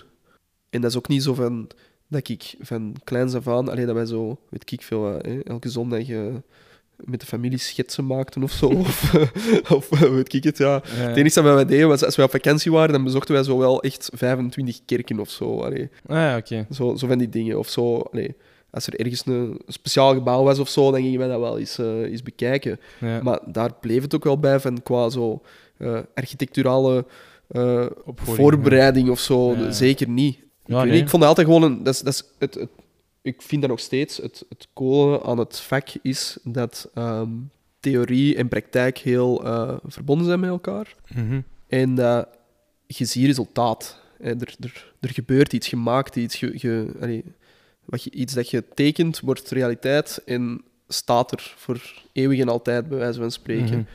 Dus je, je kunt heel veel impact hebben. En de doorlooptijd is ook ja, soms groot, maar soms ook relatief be- beperkt. Dus je hebt veel verschillende dingen. Je kunt ook ja, je kunt een interieur doen van een appartement, maar je kunt Mhm. een appartementsblok zetten, een tankstation, een eh, half terminal, whatever.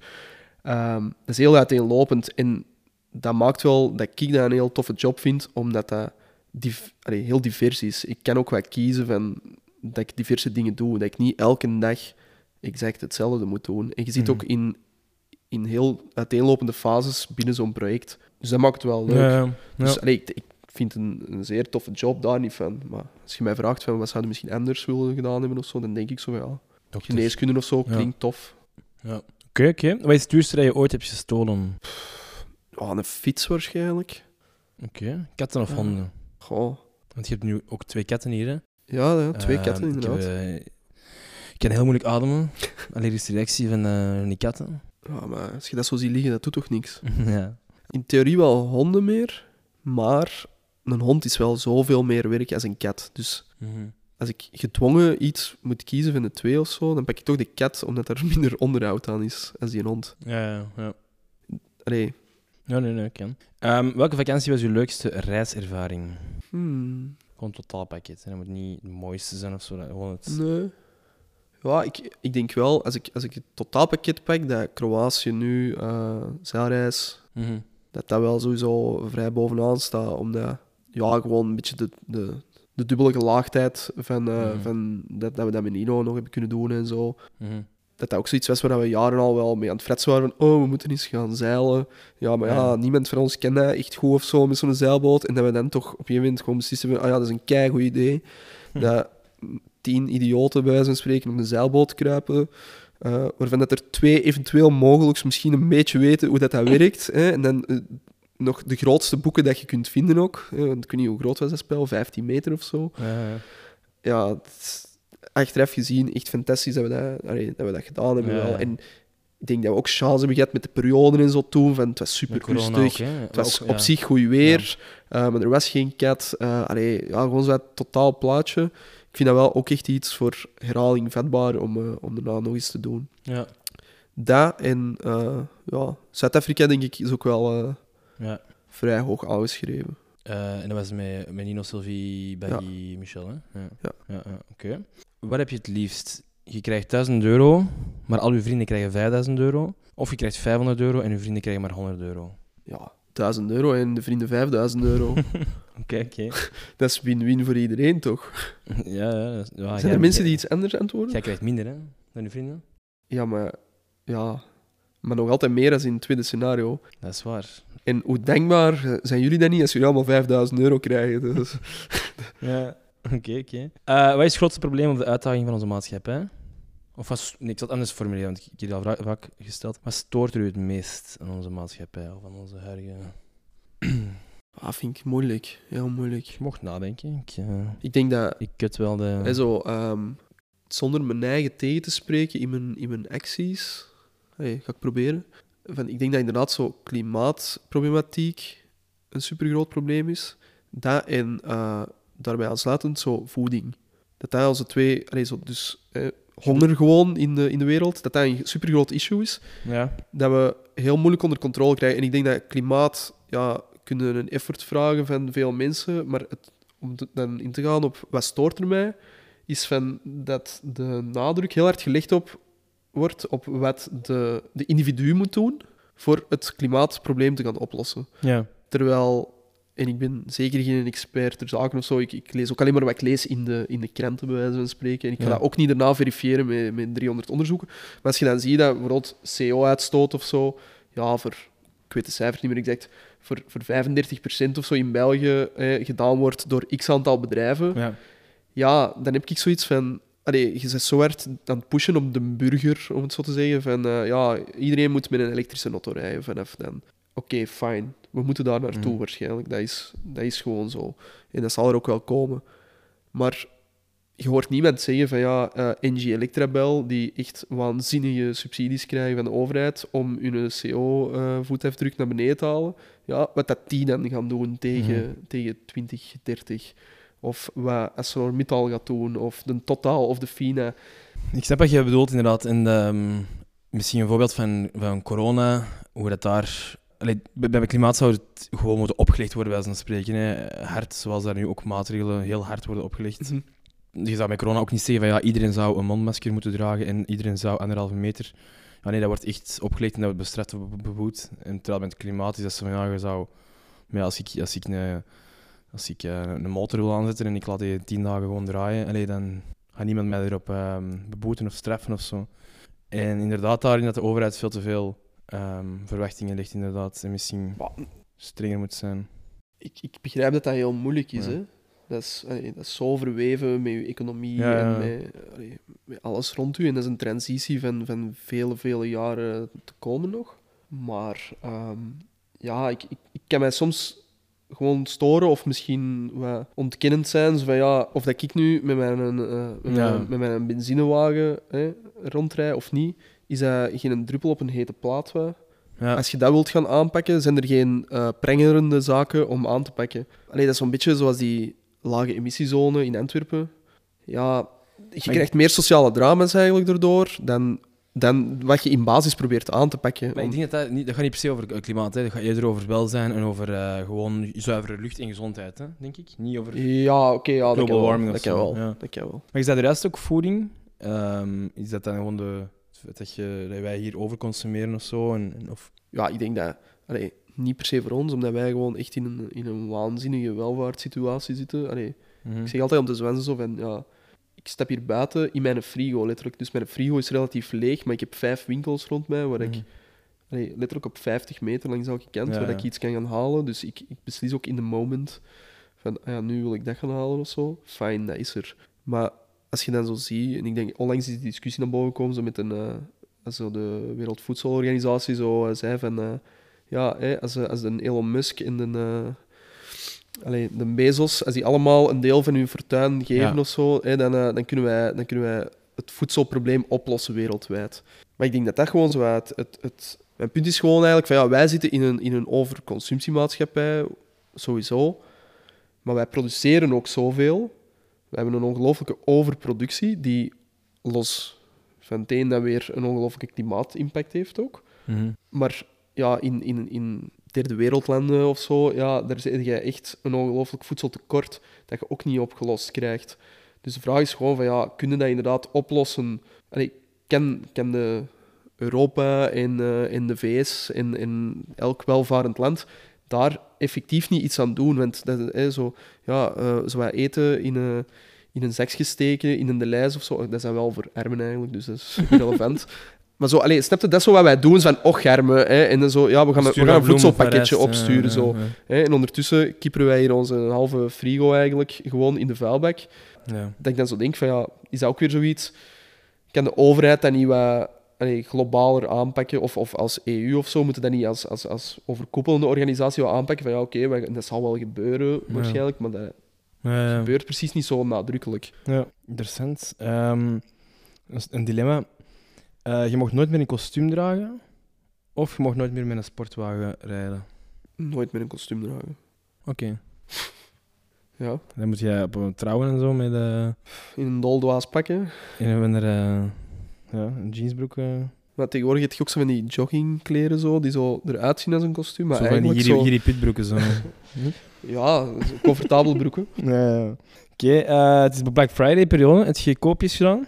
Ik heb, een, eh, ik heb regelbare thermostatische kranen voor mijn radiators gekocht. Excuseer, een regelbare... Thermostatische kranen. En voor, eh, wat dient daar? Ja, omdat het is hier heel moeilijk om, eh, om de temperatuur eh, te regelen hier binnen. Eh, het is wel warm hier. Ja, Mhm. omdat de juist de radiator heeft aangestaan en nu staat die uit. Dus dat, dat, dat fluctueert heel hard. Dus nu heb ik, eh, ja, dat zijn van die smart ja, ja. radiatorkranen en dan kun je dat met, met het domotica-systeem gewoon eh, bedienen. Dus eh, Oké, en wat is de laatste grote aankoop dat je hebt gedaan? Meer dan 200 euro? regelbare thermostatische radiatorkranen. Meer dan 500 euro? Nee, minder.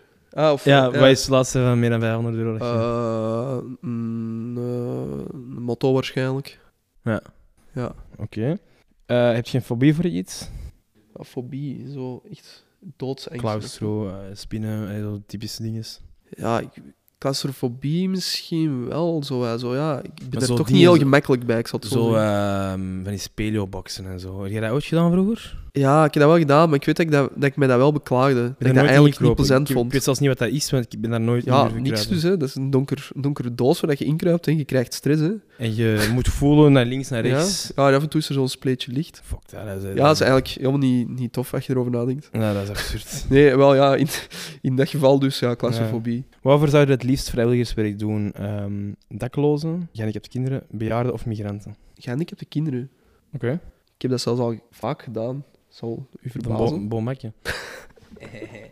Ehm, nee, eh, ja, wanneer of Ja. hoe? Dat is eigenlijk via mijn vader. Mijn vader heeft een, eh, ja, hoe moet je dat noemen? Die heeft een, een groep waar dat hij vroeger mee ging klimmen altijd. Ja. En die, diezelfde groep mensen, dus dat is echt van als die twintig waren of zo, die, die bestaan nog altijd. En één ervan, eh, die eh, zit in zo het bestuur, laten we zeggen, van zo'n overkoepelende groep, die zo te huizen voor vaak mentaal gehandicapte kinderen Mhm. eh, beheert. En elk jaar organiseren die een soort camp eigenlijk, waar dat die dan zo een beetje vergelijkbaar met een scoutscamp. Zo. Die gaan in Limburg of in Dardenne of zo. Mhm. op zo'n terrein in, met zo'n grote circustent en zo. En dan logeren die allemaal in tentjes of in schuren. En mijn vader en die, in die groep die doen dan zo het klimgedeelte ervan. Dus er zijn zo, dat is allemaal activiteiten die, die Mhm. georganiseerd worden. Dus die doen dan zo het klimgedeelte. Ik moet daar niet te veel bij voorstellen. Dat is zo, ja, zo'n dedraadje en een, eh, een, zo'n een, een grote schommel zo tussen twee bomen en, eh, en zo een klimnet in, de in de bomen en zo. En, eh, vroeger had ik ook een schietstand, eh, zo met een luikjesgeweer. Zo. Oké. Dus ja, zo allemaal van die grappige dingen. En ik ben er wel een paar keer mee mee geweest zo, om, dat, eh, om dat mee te gaan doen. En dat is echt, dat is hilarisch eigenlijk ook. De, de feedback dat je terugkrijgt van die gasten, zo, Mhm. dat is zot hoe snel dat je dat echt Hoeveel eh, energie dat die op ja, je ja, geven. dat je ja. dat overneemt. Zo van, je, allee, echt van die tonnozel worden die kei blij. En dan denk ik echt van, nice, gast. Ik, eigenlijk denk ik dan van, ik ben jaloers bijna. Ja. Dat, jij je, dat de- zo blij kunt zijn daarmee. En ja, dat wij echt een pakje zagen over heel veel dingen. dat, is echt, Ja. dat is echt fantastisch eigenlijk. Oké. Nee, wanneer was de laatste keer dat je dat hebt gedaan? Welke periode was dat? Ja, ik denk dat dat vier jaar geleden is of zo. Ah ja. Maar ja, met corona en zo is dat sowieso niet geweest nu. Dan Mhm. ben ik ook een keer Mijn vader doet dat kunnen- eigenlijk nog altijd aan. Ja. Ja. Ja. Ja, want al dat grief ligt zo bij ons in, eh, in Hoven ook, in, in het magazijn. Ja. Dus, Eh, een soort van slider dat ik wil maken. je hebt familie versus vrienden, een slider. Familie is één, vrienden is zes. Waar bevindt die slider zich bij u? ja, vijf, denk ik. Eh, dus meer vrienden wel. Ja. Ja. Ja. Oké. Over welk deel van je lichaam krijg je het meeste complimenten? Ik krijg eigenlijk eh, geen complimenten. Ah.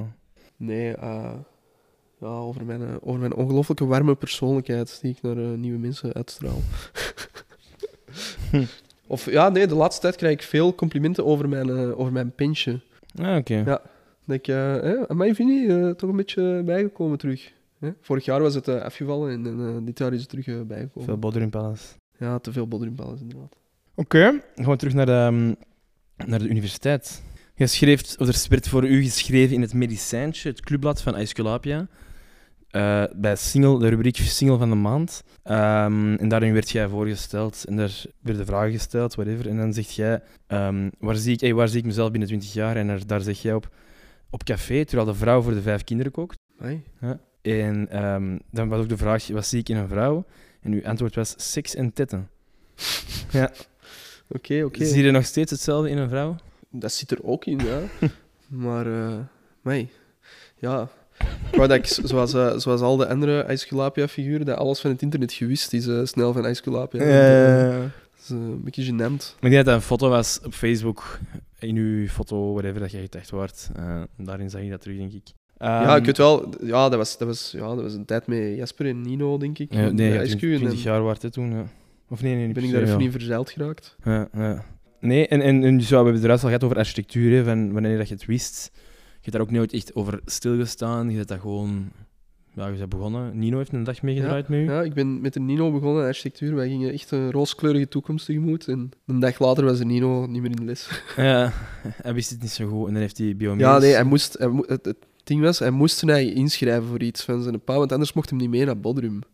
Ha, oké. En, eh, en dus heeft hij zich maar, dan heeft hij, die belde zo en die zei, ja, wat ga jij doen? Ik zei architectuur. En dan heeft hij zich ook ingeschreven voor architectuur, zodat hij gewoon ingeschreven was voor iets. En de eerste dag zaten wij in een aula en eh, ja, dan legden ze zo uit wat we die komende week gingen doen. Zo. En dat begon zo direct met, ja, we gaan dan naar het Middellijnpark en we gaan dan een schets maken van dat gebouw en zo. en, ja, je moet dan die en die, die potloden gaan kopen. En allee, zo heel heel echt- basic architectuur ook zo van, van vroeger Echt wat eigenlijk. Nino Zo. zalig vindt. zo'n- Ja, echt, wat je absoluut top vond. Dus je zei dat ook het enthousiasme droop er vanaf. En eh, de dag erna was ze er al niet meer. Dus, eh, eh, ehm, ja, dan heeft hij biomedisch gedaan, denk ik. Hè. Ja. En dan geneeskunde uiteindelijk. Maar ook een heel groot deel bij u in uw, ehm, in uw studentenperiode was ook het, het hele dopen en ey, dopen, het PSV, studentenclub, verleden eigenlijk. Je hebt u vrij snel, in uw eerste jaar laten dopen? Tweede in jaar? tweede jaar. Tweede en jaar. dan bij PSV. Waarom eigenlijk bij PSV? Ja, omdat Ellen daar... Ah, zich echt door Ellen ook. ja. Ellen en Stefanie hadden zich laten dopen bij PSV Ja. in het eerste jaar. Allee, door En- Stefanie, want uiteindelijk denk ik in de podcast met Stefanie bleek dat Stefanie was eigenlijk de, ja, de, De initiatiefnemer, whatever, en heeft Ellen gevolgd. Ja. Want ik was zelf ook zo, ik had zo het beeld van, ja, hey, studentenclubs en zo, daar gaan ze mij echt niet mee liggen hebben. Ja. Dat is echt voor mensen die, die echt uit een boerenget komen en eh, Geen vrienden aan de nieuwe vrienden moeten maken ja. eh, op de universiteit. Hè. Dus ja, niet echt inderdaad een band mee het eerste jaar. Mhm. En ik denk een beetje hetzelfde wat jij ook al hebt aangehaald. Van, eh, Ja. ja, je gaat naar de Sally dan op maandag. eh, en zo begint dat. En dan denk je van, oh, dat is eigenlijk toch wel tof. En er zijn wel Mhm. wat toffe figuren. En dan ja, lag je eerst zo eens met, met mensen die zich lieten dopen. Hè. Een Guillaume, denk ik, dat Eerste jaar, het eerste eh, jaar heeft laten ja. dopen. Bij Sofia. ja. Maar die mannen bij ISQ dan zeiden van, ja, dat is eigenlijk... Allee, dat is wat bruut misschien daar, maar dat dat wel leuk was, echt. En Wie is dat dan gedaan eigenlijk? Dus België niet, denk ik, hè? Jasper, Baggy was al gedoopt, want die, die had zich laten dopen het jaar dat wij nog... Ah, middelbaar oké, Ik wist zaten. niet dat gedoopt was ook. Ja, Ja, en dan, eh, en dan de Jasper en de Nino hebben zich laten dopen Heeft bij... zich laten dopen? ja, bij ISQ. Ah, dat wist ik ook al niet meer. Ja. Ja, en de bollen, denk ik, ook Bij Elige, hè? eerste jaar, dat, Dat weet kan, ik eigenlijk ja, niet kan, zeker. ja. Maar dus ja, je hebt dan voor PSV geko- gekozen, dat is tien dagen een doop. Ja. Ehm, en hoe was dat? Ja, dat was wel plezant. En ik denk dat je chance moet hebben ook met de mensen die je kopen en zo. Ja. Ehm, dus ik werd dan... eh, ja, oké, dat was nog een beetje zo het, het klassieke van hoe dat vroeger was. Hè, van, ja, je had dan de drill de, de dag van je verkoop en dan... Ja, misschien zo wat stomme opdrachtjes doen eigenlijk allemaal. Zo wat scout zich bijna als je er achteraf op terugkijkt. Totmisatie-achtig, hè? Ja, en dan, eh, dan werden wij verkocht in Café de Schacht, denk ik dat dat was. Mhm. Eh, op de hoek over een M-blok. Maar Het enige dat ik me er nog goed van herinner is dat ik, ik had een andere, een medeschacht eh, die bij mij op het podium stond. Volgens mij de Leonardo eh, Ah, van de van de wielen. wielen.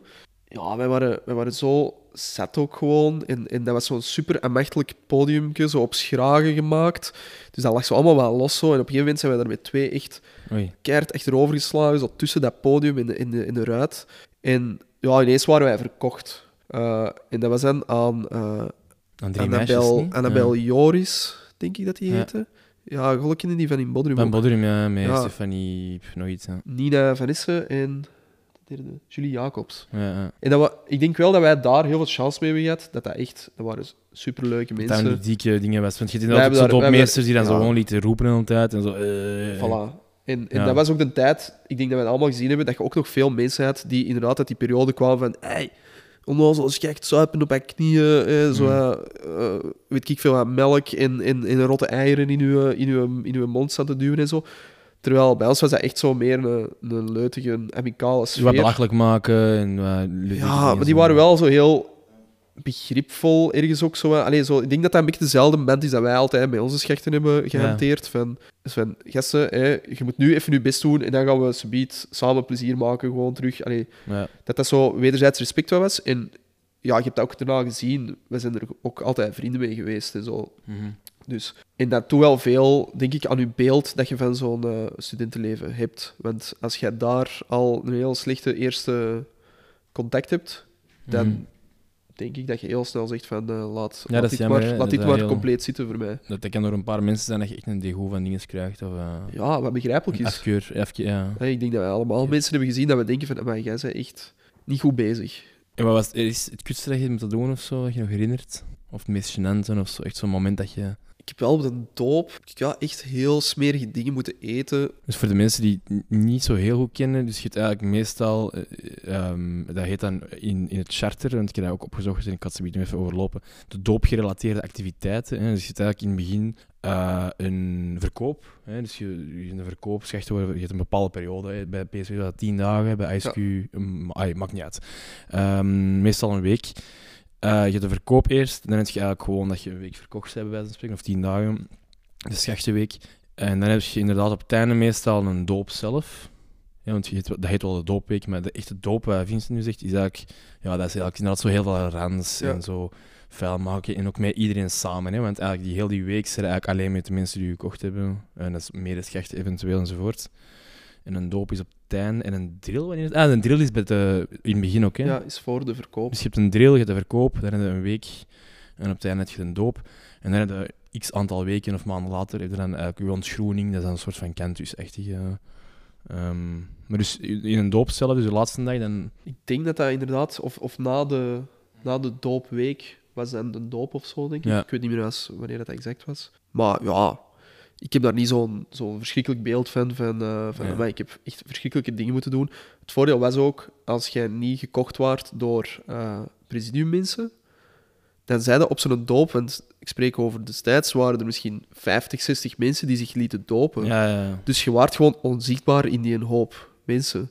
Terwijl als jij gekocht waart door de schechtentimmer of zo, ja. ja, dan heeft je heel de week al wat plezier met je gemaakt, bij wijze van spreken. Dus dan weten ook dat je echt extra goed gesoigneerd gaat worden op de, eh, op de Een doop. ja. Terwijl ja, als jij zo wat iemand zei die door random leden gekocht zijn en de hele week niet in de picture is geweest, ja, dan, dan valt dat niet. Allee, dan val jij niet Mhm. op en dan ja, moet jij sowieso een, een papjes, allee, zo wat schachtenpap eten of... eh, ja, zo al die dingen waar dat je nu voor in de krant komt, hè, zo ja, een, een, een pils door iemand zijn bilspleet gieten en dan eh, dat opdrinken. Ja, Zo van die dingen, maar nu niet... Allee, dat er mensonterende ja, zaken gebeuren. wel, want ik heb het, eh, omdat Lisa er ook al vorige keer over bezig was, over het charter, eh, het doopcharter in dat Reuzegom, of nee, of ja, de Reuzegom wou dat niet ondertekenen. Je had inderdaad ook in Antwerpen, Ando ondertekende dat niet, maar bijna, allee, nee, 95% van de clubs die ondertekenen dat wel. En ik heb daar eens in gaan kijken eigenlijk. Hè.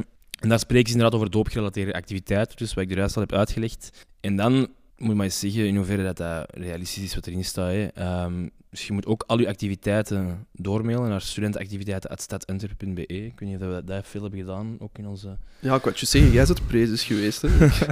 Eh, dus je moest alles meedelen met Stad Antwerpen.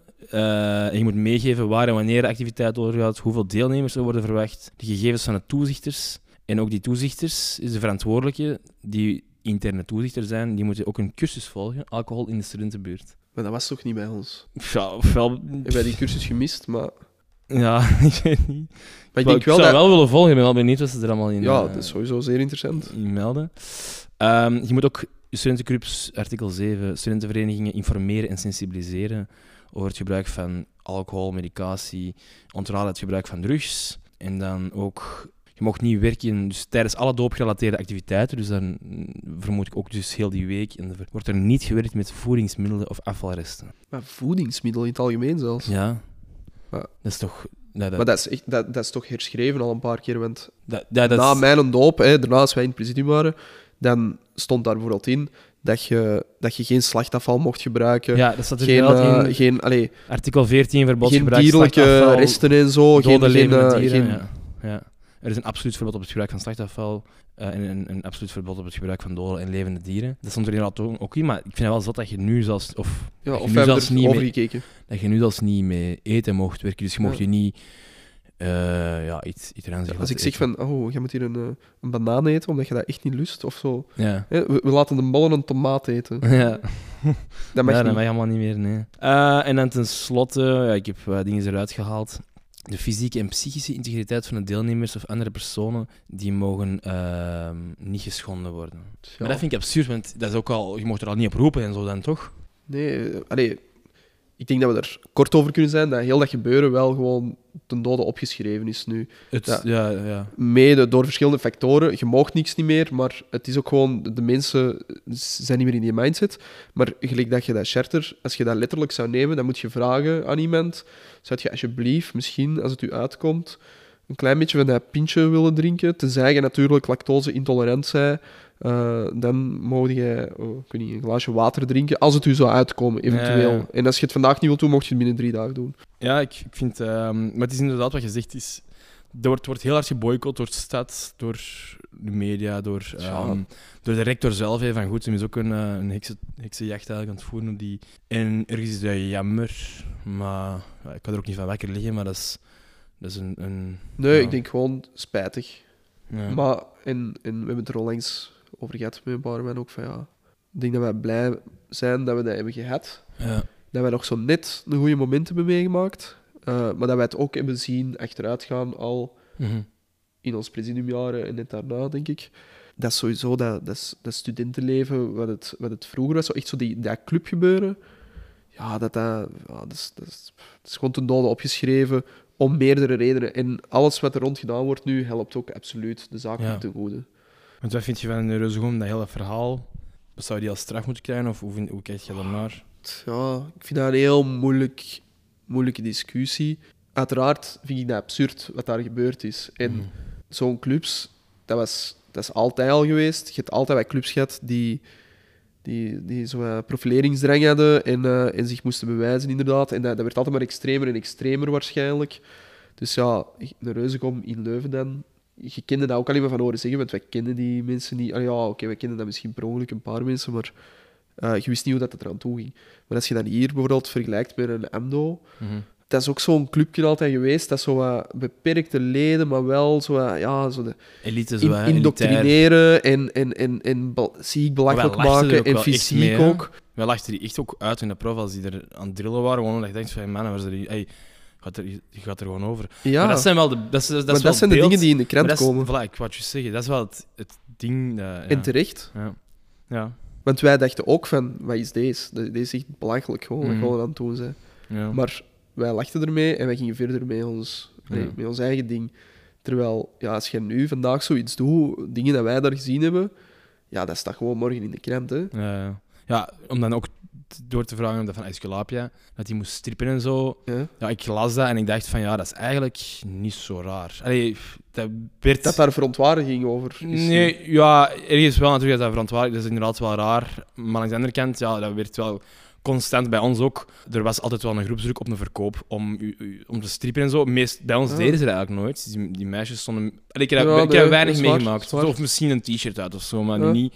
Ik heb nooit een, een naakt iemand... Dat heb ik wel gemist, denk ik, misschien. Maar Je- naakte, naakte mensen heb ik ook nooit... eh, ik denk dat dat zoiets bij Sofia of zo gebeurde, dat zo nog eens. Ja, en Ice Cube misschien ook misschien. Zo, eh, Ik heb, ik heb echt een hoop Ja. Ice Cube verkopen gedaan en die bewuste striptease act bijvoorbeeld heb ik ook gezien. En ja, dat is gewoon tot op de ondergoed. ja. ondergoed, ja, lingerie. En ik, ik heb onlangs nog eens een discussie gehad met iemand daarover. Over van, ja, of dat, dat nu goed is of niet. Waar dat, mijn argument van was van ja, de mensen die dat deden meestal, dat is altijd maar een heel beperkt groepje mensen, zijn echt in heel veel gevallen altijd mensen geweest die daarna ook in het presidium waren en zo, die echt een super nauwe clubband hadden. En dus ook niet daar tegen hun goesting dat stonden Ja. te doen. Ik denk dat die gasten allemaal slim genoeg waren ook. Ah, wel, als ik daar mag inpikken, eh, ik, met een bijertcampus die we nu aan het organiseren, of eh, proberen, hebben we ook met Esculapia samengezet en we wouden die ook mee als deelnemende club meenemen. Dus die Kira, dat is die prezes, Mhm. ik heb daar ook mee eh, gebeld. Ehm, en dus ik ken die, nee, niet echt, maar ik heb erover ook even over gesproken en die zei ook van ja, dat zijn ook inderdaad wat jij zegt, die vonden dat heel leuk, of een heel leuke avond of whatever. En die zijn daar helemaal niet wrokkig over of whatever. Maar dat is inderdaad omdat dat via die moeder is gegaan. En terecht, die moeder was aan bezorgd enzovoort. Maar die personen zelf, die eh, zullen van hunzelf misschien niet dat, vinden dat die hun integriteit of eh, geschonden is geweest. Of... Nee, en, en, je leest dat dan ook in de krant. hè. Ja. Ik denk, de TDC Paré werd daar zo echt voor gedaan. Dat is echt de, Ja, de zotste, zotste orgie eh, die, die er ooit plaatsgevonden heeft. En het was wel een mijlfeest. Hè? Dat wel. Ja, oké, maar, dat- maar ja, dat was ook het concept. Maar dat, mag je ja, je had- je studenten. had, ja. twee, je had twee zalen, oké, zat Ja. de mannen, zat de vrouwen, en je laat die op elkaar los. Nou, ja, En dan- waarom zou dat ook niet uiteraard mogen, gaat er gemeld worden. Maar er stond dan zo in de krant van ja, en er was een darkroom en daar was bescherming voorzien en zo. Dat was precies dat daar eh, langs alle kanten gepoept werd, letterlijk. Maar dan denk ik van, ja, ofwel ja, waren wij de grote seuten dat wij dat allemaal gemist hebben en er neffen gekeken hebben, maar bij, allee, in mijn ogen is dat niet gebeurd. En, maar, en nogmaals, wat indien wel, ja, waarom niet? Hè? Als dat uit vrije wil en keuze is, als student wil poppen True, op een ja. feest, ja, boeien, laat hij dat dan Hoe, doen. hoe wordt dat ook vaak geschreven? Zo, Ja. Dat wordt eh, met, met een goede dikke pen, eh, goed Ja. geschreven, maar eigenlijk is er, is er niets gebeurd. Ja, ja interessant. Ehm, maar mooie, mooie tijd gehad. Ik denk dat, hey, we hebben aan drie jaar studentclub gezeten. Eh, mooie dingen gedaan. En ehm, ja. Zeker. Zou, zou jij het terug doen, helemaal? ja, ik zou het zeker opnieuw doen. Ehm, Erasmus misschien had ik ook wel willen doen, maar ik weet wel dat ik toen bewust een keuze moest maken of het tussen Prees worden of, of Erasmus proberen doen. Ja, ik heb dat toen ook al gehad. Ik heb Achteraf toen gezien. niet met Erasmus bezig geweest eigenlijk, omdat ik zo'n heel dikke FOMO had van... Maar, Ja. maar we hebben hier zoveel plezier eigenlijk, dat ik, dat ik niet een Ja. half jaar weg wil gaan. Ja, ja, ja. Dus, eh, dus ja, even een korte pauze of wat? Zullen we de glazen, eh, Even vullen? We hebben onze glazen terug bijgevuld. En we gaan van Unif naar het werkje, natuurlijk. Eh, ja, het was vrij voor de hand liggend bij u natuurlijk, over ehm, wat je zou doen van werk. Het is niet dat je TW deed en dan nog moest gaan zoeken. Je zou ook meteen bij je vader gaan werken, of niet? Bij Noordarchitecten? Eh, ja. ja, je hebt niet veel jobmogelijkheden erbuiten. Hè. Je wordt gestudeerd architectuur en dan word je... Ja, dat bedoel ik. Ja, hè? ja, ja, ja. Wel, dat was dus dan het voordeel. Hè, als je, het is niet dat, Ja, dat is afgeleid. zoals Shardy met handelsingenieur, en dat je dan eh, nog wat moet gaan zoeken of nadenken.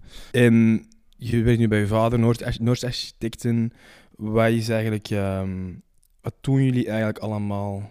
Oh ja, wij, wij doen, eh, wij doen pff, eigenlijk bijna alles, laat ons zeggen, van, van een verbouwing van een appartement intern gewoon alleen, tot overhuizen naar het niveau van eh, appartementsgebouwen in zijn totaliteit, eh, naar totaalprojecten, waar dat, allee, ik denk dat Zoals in Hoven. in Hoven zijn er een aantal voorbeelden inderdaad, eh, waar dat wij Ja. iets grotere ontwikkelingen doen naar echt gigantische ontwikkelingen in de haven. En dat is dan meer industrie weer. En als, als ik echt moet zeggen van ja, wat is onze, onze specialiteit eigenlijk, Ja. Ehm, is echt wel meer dat, dat industriële, dus zo petrochemische sector. Ah ja, oké. Dat is echt onze, ons, ons niche-segment eigenlijk, waar dat wij wel de meeste expertise in hebben. Ehm, maar wat bouw je dan concreet? Wij doen heel veel tankstations. Ah ja, dus eigenlijk, ehm, volgens mij, kan ik bijna met zekerheid zeggen, elk Q8 tankstation dat er in België gezet is de voorbije 20 jaar of zo, of 25 jaar, is door ons Echt? kantoor gedaan. Maar is is dat niet vrij template, eh, copy-paste? eh, ja, wel, ik dacht, dat, ik dacht dat ook altijd. En ik stoor mij daar tot op heden nog altijd vaak aan dat dat niet herder zo aangepakt wordt. Ah, ja. Elk project opnieuw zijn er zoveel zaken die anders worden aangepakt, dat je echt denkt van, maar allee, dat is hier het zoveelste station dat we doen, dat moet toch echt gewoon uit, uit de schuif komen, letterlijk bijna, en, en, en opnieuw kunnen Maar gerealiseerd op worden. moet dat, niet, ook niet, dat moet niet se sexy zijn. Hè. Dat moet gewoon kunnen tanken. Dat is heel functioneel eh Ja, ja, gebouw op tuurlijk, zich, daar, hè. daar Dat is, moet- is niks sexy aan en daar komt er niet mee in, de- allee, ik zeg altijd van ja, daar komt er niet mee in de boekjes of in een Ja. magazine of whatever of zo, maar daar draait je kantoor wel van, wij, allee, wij, wij doen wel een serieuze turnover, gewoon alleen op die, op die petrochemische dingen, dus eh, heel veel ESSO-stations ook. Ja. Ehm, En, maar- en dan in de haven, die grote industrieel dingen, wat zijn dat voor dingen? Ja, dat is ook weer dat is een beetje gerelateerd eraan. Om een, allee, ja. wij, bijvoorbeeld Unitank hebben wij gedaan. Dat is een, een grote haventerminal die opslagen doen in, in, in tanks. Dus echt, ja, je moet Ah, je dus daar gewoon van die, loods gebouwd van die zo. ja, geen loodsen, dat zijn gewoon ja, tanks op de schaal van een gebouw, om het simpel te verwoorden. Dus als je op Google Earth gaat kijken naar de haven van Antwerpen, zie je zo van die ronde cirkels ergens zo. dat is Ah, zo'n tankenpark, hè, waar dat echt gewoon Ah, miljoenen, miljoenen tanken. cubes... Ja, dus wij, wij doen het volledige eh, bouwkundige ervan. Ehm, maar de engineering, dus procestechniek, doen wij niet. Dus dat wordt uitbesteed aan een eh, kantoor dat gespecialiseerd is echt in... allee, dat is een ingenieurskantoor, dat echt in de techniek. Bijvoorbeeld bij INEOS zijn wij voor een deel betrokken, dus alleen dan voor het stedenbouwkundige. Ja, we hebben een Alcox-plant gedaan. Allee, zo. Ik zit niet op al die projecten op of zo, Nee. maar, maar ik weet wel eens van dingen. ehm, ja, wat, wat zijn dat bijvoorbeeld van die fabrieken die, die van die polyethyleenbolletjes eh, maken voor in pampers of zo? Allee, Ja. zo, je weet zelfs niet dat dat bestaat, bij wijze van spreken, maar ja, het, het ding is gewoon, die, die komen dan in België of die hebben een site of een, een plant in België. Dat is niet een gigantische oppervlakte en op zo'n, op zo'n plant komen misschien 150 gebouwen of zo. Ja, dus dat betekent dat wij dan de aanvragen gaan doen voor Maar een 150 plant- Een plan bedoel je gewoon een, een ruimte, een... een, een, een Nee, een volledige zitten eigenlijk eerder. Ja, het zit eigenlijk wel een, een, ja, een, lege, een leeg veld bij Ja, spreken. Dat allee, laat het ons heel simpel zeggen. Ja. Jij, jij koopt morgen in de haven van Antwerpen, als je dat kunt, eh, een lege plot ergens, Ja, hè, een kaai, nummer zoveel. En je zegt van, ah, nu wil ik daar een, eh, ja, weet ik het, fabriek op zetten die het een of het ander gaat maken. Doet er eigenlijk niet toe wat, wat je wilt maken. Ja, dan gaan wij voor u de, heel het vergunningstraject regelen, zodanig dat jij de gebouwen kunt zetten daar, waar dat jij binnenin procestechniek wilt gaan doen. Mhm. Eh, en dat gaat dan van de grote, ik zal, om het simpel te zeggen, grote magazijnen waarbinnen dan een, een hele fabriek kan gemaakt worden. Maar ook tot het onnozelste kleine ehm transfo huisje dat ergens aan de kant staat of zo, waar dat dan een transformator in moet of een, Mhm. een hoogspanningscabine of zo. Echt eh, een kotje van 5 op 5 op 2 meter. Ja. Dat moet ook vergund worden. En dus gewoon heel dat voortraject vooral hè, naar vergunning toe. En dan eh, puur het stedenbouwkundige. Dus allee, simpel gezegd, het omhulsel waar binnen dat iets gebeurt. Dat doen wij dan vooral. En dan komen er gewoon andere spelers bij eigenlijk, die simpel gezegd heel, heel, heel dat fabrieksje van binnen daarin gaan duwen. Ja. Dus die pakken gewoon het gebouw dat wij voorzien, die steken er alles in. Hè, en dan is er wat onderling overleg, laat ons het heel kort door de bocht zeggen, hoe dat, dat, eh, hoe dat, dat eventueel clasht met elkaar en waar dat er nog dingen moeten opgelost worden. Maar de job is dus ook veel eh, met klanten bespreken wat, wat die hun requirements zijn, hè, wat die willen, waar enzovoort. En die contacten, die administratie daar rond enzovoort. En het tekenen dan echt, het, het zelf tekenen, doe je dat nog zelf veel? Of, ehm, Ja, wel, wel veel, veel nog. En wat vind je het leukste? Goh, Met die klanten eerder, of het tekenen, of, ik of vind, ja, de afwisselingen? Ja. Ik vind uitvoering voor mij is, is, is de leukste fase, vind ik. Omdat, ik ga het even simpel opsplitsen. Een, een, een klassiek traject, laat ons een woning pakken. Hè? Laat ons eh, de Jappie, hè? Ja. bijvoorbeeld. Hè? Dus we zijn bij de Jasper eh, is met Marleen een, eh, een huis aan het bouwen. En wij, wij mogen dat totaal, eh, totaalpakketje arrangeren voor, voor de Jasper. Dus hoe gaat dat? Simpel gezegd, dat begint ergens op een dag van, ah ja, de Jasper wil graag een huis bouwen. Mhm. Oké, en die heeft die en die eisen.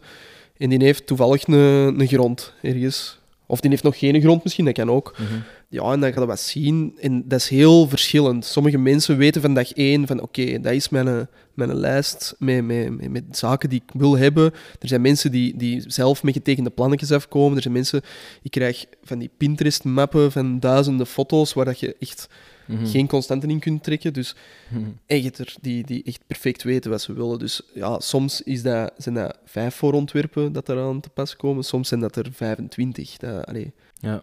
dat weten niet op voorhand. Maar dat is een leuk proces eerst om zo een beetje die een basis, eh, die basis vast te leggen van waar willen we gewoon naartoe en, en wat, willen, wat willen wij eigenlijk doen voor jullie.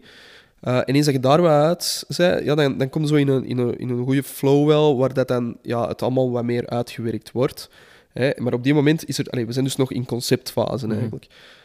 Op een gegeven moment ja, ligt uw ontwerp ehm, niet vast, maar eh, de outlines toch redelijk vast. En dan gaat je zeggen van oké, nu gaan we een vergunningsaanvraag doen. Dus we weten van ja, het gebouw gaat er zo uitzien. Hoe dat, dat binnen dan exact opgedeeld is en zo, daar kunnen we nog wat aan wijzigen. Maar dan ga je een vergunning indienen. Gaan wij een vergunningsdossier aanmaken. Wordt dat ingediend bij een gemeente of eventueel afhankelijk van wat voor een project dat, dat is, kan dat bij een provincie zijn ook.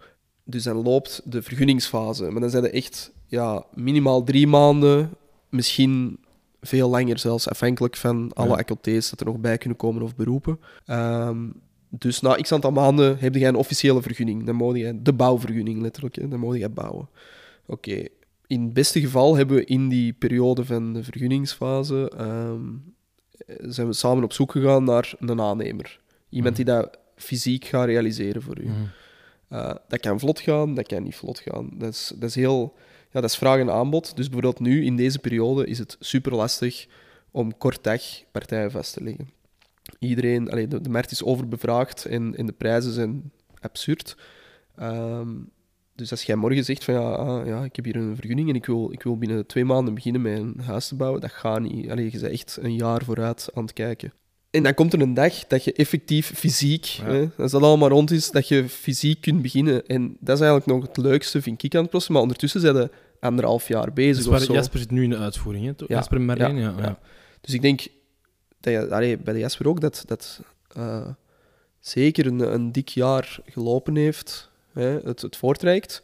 En ook de moeilijkheden met allee, een goede aannemer vinden die ik kon uitvoeren ook en zo op de, Ja. op de gewenste tijdstippen wat. En dat is allemaal wat achteruit geschoven. En met de vergunning ook wel wat eh, ja, problemen gehad in de zin van eh, techniciteit. Er, moet, er moest met de gemeente iets geregeld worden voor, eh, voor een deel van de weg en zo af te staan. Ehm, dus dat heeft allemaal Mhm. dan, dan beginnen er weer termijnen te lopen. Dus dan zijn we weer zo twee maanden kwijt.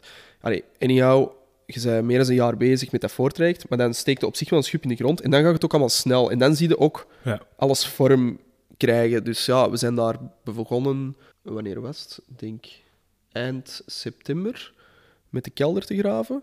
Ja. En we zijn nu eind november en eigenlijk eh, zijn ze de laatste stukken gevelsteen aan het zetten van het gebouw. Ah, oké. Dus de ruwbouw zonder ramen en zo, ja. dus de, de dekdichting ligt er nog niet op en zo, maar dus structureel de vorm helemaal, de gevelsteen en zo. Allee, er, ja. de muren staan er, de Ja. vloerplaten staan er, de gevelsteen staat er eigenlijk bijna tegen. Dus dan gaat het heel snel ook. En dat, dat is een hele leuke fase, vind ik. Omdat allee, je, je gaat daar elke week naartoe en je gebouw verandert permanent eigenlijk. En je ziet waar dat je een jaar of in andere trajecten jaren misschien over hebt staan praten en eh, printjes staan, staan maken en, en, en schetsjes en, en whatever. Ehm, ziet je realiteit worden. En dat is eigenlijk, vind ik, het leukste. Mhm. En dan gaat er nog naar een, eh, naar een afwerkingsfase, waar dat de dingen weer wat langer duren om, om effectief eh, allee, gefinaliseerd te krijgen. Maar dat is ook weer iets anders. Dat is een beetje een ander niveau. Ik vind de laatste tijd doe ik veel interieurs ook, omdat ik dat wel heel fijn vind, omdat dat heel testbaar is. Eh, gemaakt echt een, een, ja, een, een woonplaats waar Ja, iemand echt woont. Dus, hè, dus puur dat bouwen op zich is, is meer zo een omhulsel, laten we ons zeggen Mhm. dat er wel esthetisch mooi uit kan zien aan de buitenkant. Uh, maar zeker de interieurs ook, echt zo de totaalafwerking binnen, vind ik ook heel fijn wel, omdat je dat... Ja, je kunt echt wel je eigen touch wel ergens inleggen, in samenspraak met mensen wel. Maar mensen komen vooral naar u ook omdat ze iets gezien hebben van u en dan zeggen ze van, ah ja, ik wil iets gelijkaardigs. En dan gaan we wel iets gelijkaardig proberen maken, maar je doet toch weer iets anders. Maar hoe bedoel je dat? Want stel nu, we nemen Jasper maar alleen als voorbeeld. Dus je bouwt die een huis en je huis is af, dat is, is- eh, dat is klaar. Ja? En wat, dan vragen sommige mensen gewoon nu van, ah ja, wil je meehelpen met meubilair en dingen in te richten? Ja, oké, dan gebeurt dat in basis. Als het echt een volledig nieuwbouwhuis is, Ja. dan kan dat zijn, ook bij de start gewoon. Dat is een beetje ja, de opdracht dat je krijgt. Hè. Mhm. Ja, ofwel doen wij de, de, de ruwbouw, laat ons zeggen, en ehm, gaan wij wel grofweg alles van binnen wat indelen, maar ga ik niet tot op eh, de fineer van de kast of zo mee kiezen, of je keukenblad exact mee gaan, gaan kiezen. Ja, dat is nog wel een stapje extra. Ja. De grove lijnen worden wel allemaal uitgezet, ook van die keuken en zo. Maar dan gaan mensen meestal zelf een keuken kiezen ergens bij, bij een keukenfabrikant. Ja. Of gaan die een tegel kiezen ergens of zo. En ga ik daar niet per se mee. Maar ik heb ook klanten waar ik... Ja, ik ben nu bezig met, met, met een loft bijvoorbeeld hier in de stad. Ja, daar ga ik echt naar Wallonië, naar een steenkapperij met die mensen, om Ja, ja, stenen ja. te gaan kiezen voor de, voor de afwerking. En, en gaan wij hout kiezen uit, uit de fineerstapel in een zagerij ergens. Dus echt letterlijk van, oké, die planken gaan we gebruiken. Mhm. Allee, dus elk materiaal, afwerkingsmateriaal, wordt echt dedicated gekozen en zij er ook bij betrokken. Dat is natuurlijk een ander, allee, dat, is, Ja. dat is een ander niveau, laat ons het zo zeggen ook. Maar ik vind dat heel... Allee, ik merk wel dat ik dat leuker en leuker vind. En, en, Ja. en dat dat wel ook een beetje hetgeen is waar ik mij meer Ja. mee wil bezighouden. En hoeveel uur per week werk je zo ongeveer gemiddeld? Dat is heel uiteenlopend. Ik heb, ik heb een tijd gehad, denk ik, dat ik misschien 50 uren of zo, 50, 60 uren in de week deed. Ik denk zeker ah, twee jaar geleden of zo, dan, Mhm. dan overdreef ik daar wel in. Dat was ook, denk ik wel, dat lag een beetje aan mijn eigen, dat ik vaak, eh, en ik denk dat andere mensen dat op hun werk misschien ook hebben, dat ik vaak zo zei van ja, ik ga dat wel doen. Ja, dat je erbij neemt, dingen bijnemen gewoon. Ja, of, of, of beloven ze van ja, ik ga Ja. dat wel doen tegen dan, maar dat je eigenlijk in, allee, achteraf weet van ja, dat lukt eigenlijk gewoon Ja. niet om dat te doen, maar dat ik gewoon zo ja, stomme beloftes maakte, ook zo van ja, ik, ik ga dat tegen dan afmaken en dan, ja, dan zijn er wel vaak zo gedwongen bij ons ook om dat effectief te doen, omdat er een hoop dingen in cascade aan vasthangen. Ehm, waar dat ik mijn eigen zo mee piste. Maar ik- toen was ik daar, lag ik daar niet zo wakker van. Ehm, maar nu heb ik wel zo meer zo van... Ja, als ik op, eh, in de week... Allez, ik denk een paar dagen geleden... Nee, eergisteren. Gisteren. Ja, s'morgens met een boy en een teen gaan padellen even snel. Oké, dat is maar een uurtje. Ja, pak ik dat er echt wel rustig Mhm. even, eh, even tussen. Als dat kan in mijn agenda. Dus ik, ik ben er wel Ja. iets, eh, iets flexibeler in. Maar ik denk Dat dat is dat... ervaring ook een beetje, hè, dat je weet van hoe dat je ja, je werk ook kunt delegeren misschien en, en een beetje kunt spelen met je, met je agenda en dat, dat, dat je ook wat iets meer ruimte voor jezelf Mhm. misschien wilt. En wat zijn uw ambities dan nog? Wij doen veel projectontwikkeling ook op kantoor. Ja, en bekijken wij ook wel vaak van, ja, hoe kunnen we dat eigenlijk, hetgeen dat wij nu voor andere mensen doen, hoe kunnen we dat ook gewoon voor ons eigen doen eigenlijk. Dus dat we eigenlijk een beetje parallel aan wat wij dagelijks doen voor klanten, hoe dat we dat ook eigenlijk in een eigen bedrijf ook nog eens los daarvan kunnen uitoefenen, omdat je... Dat ja, je zelf bij dan spreken een, een perceel koopt Ja. en je, ontwik Ja. eh, je ontwikkelt daar ja, simpel gezegd. hè. Ja, ja, ja. Oké, dat is cool. Ja. Dan eh, gaan we het over u nog wat hebben. Over, eh, over Vincent. Je zit ook in het leger. Juist? Ja, wordt het al vergeten. Ja. Eh, vertel daar eens wat over. Waarom zit je in het leger? Wa- Waarom, eh, Ja. Wat doet je daar? Wat is je functie?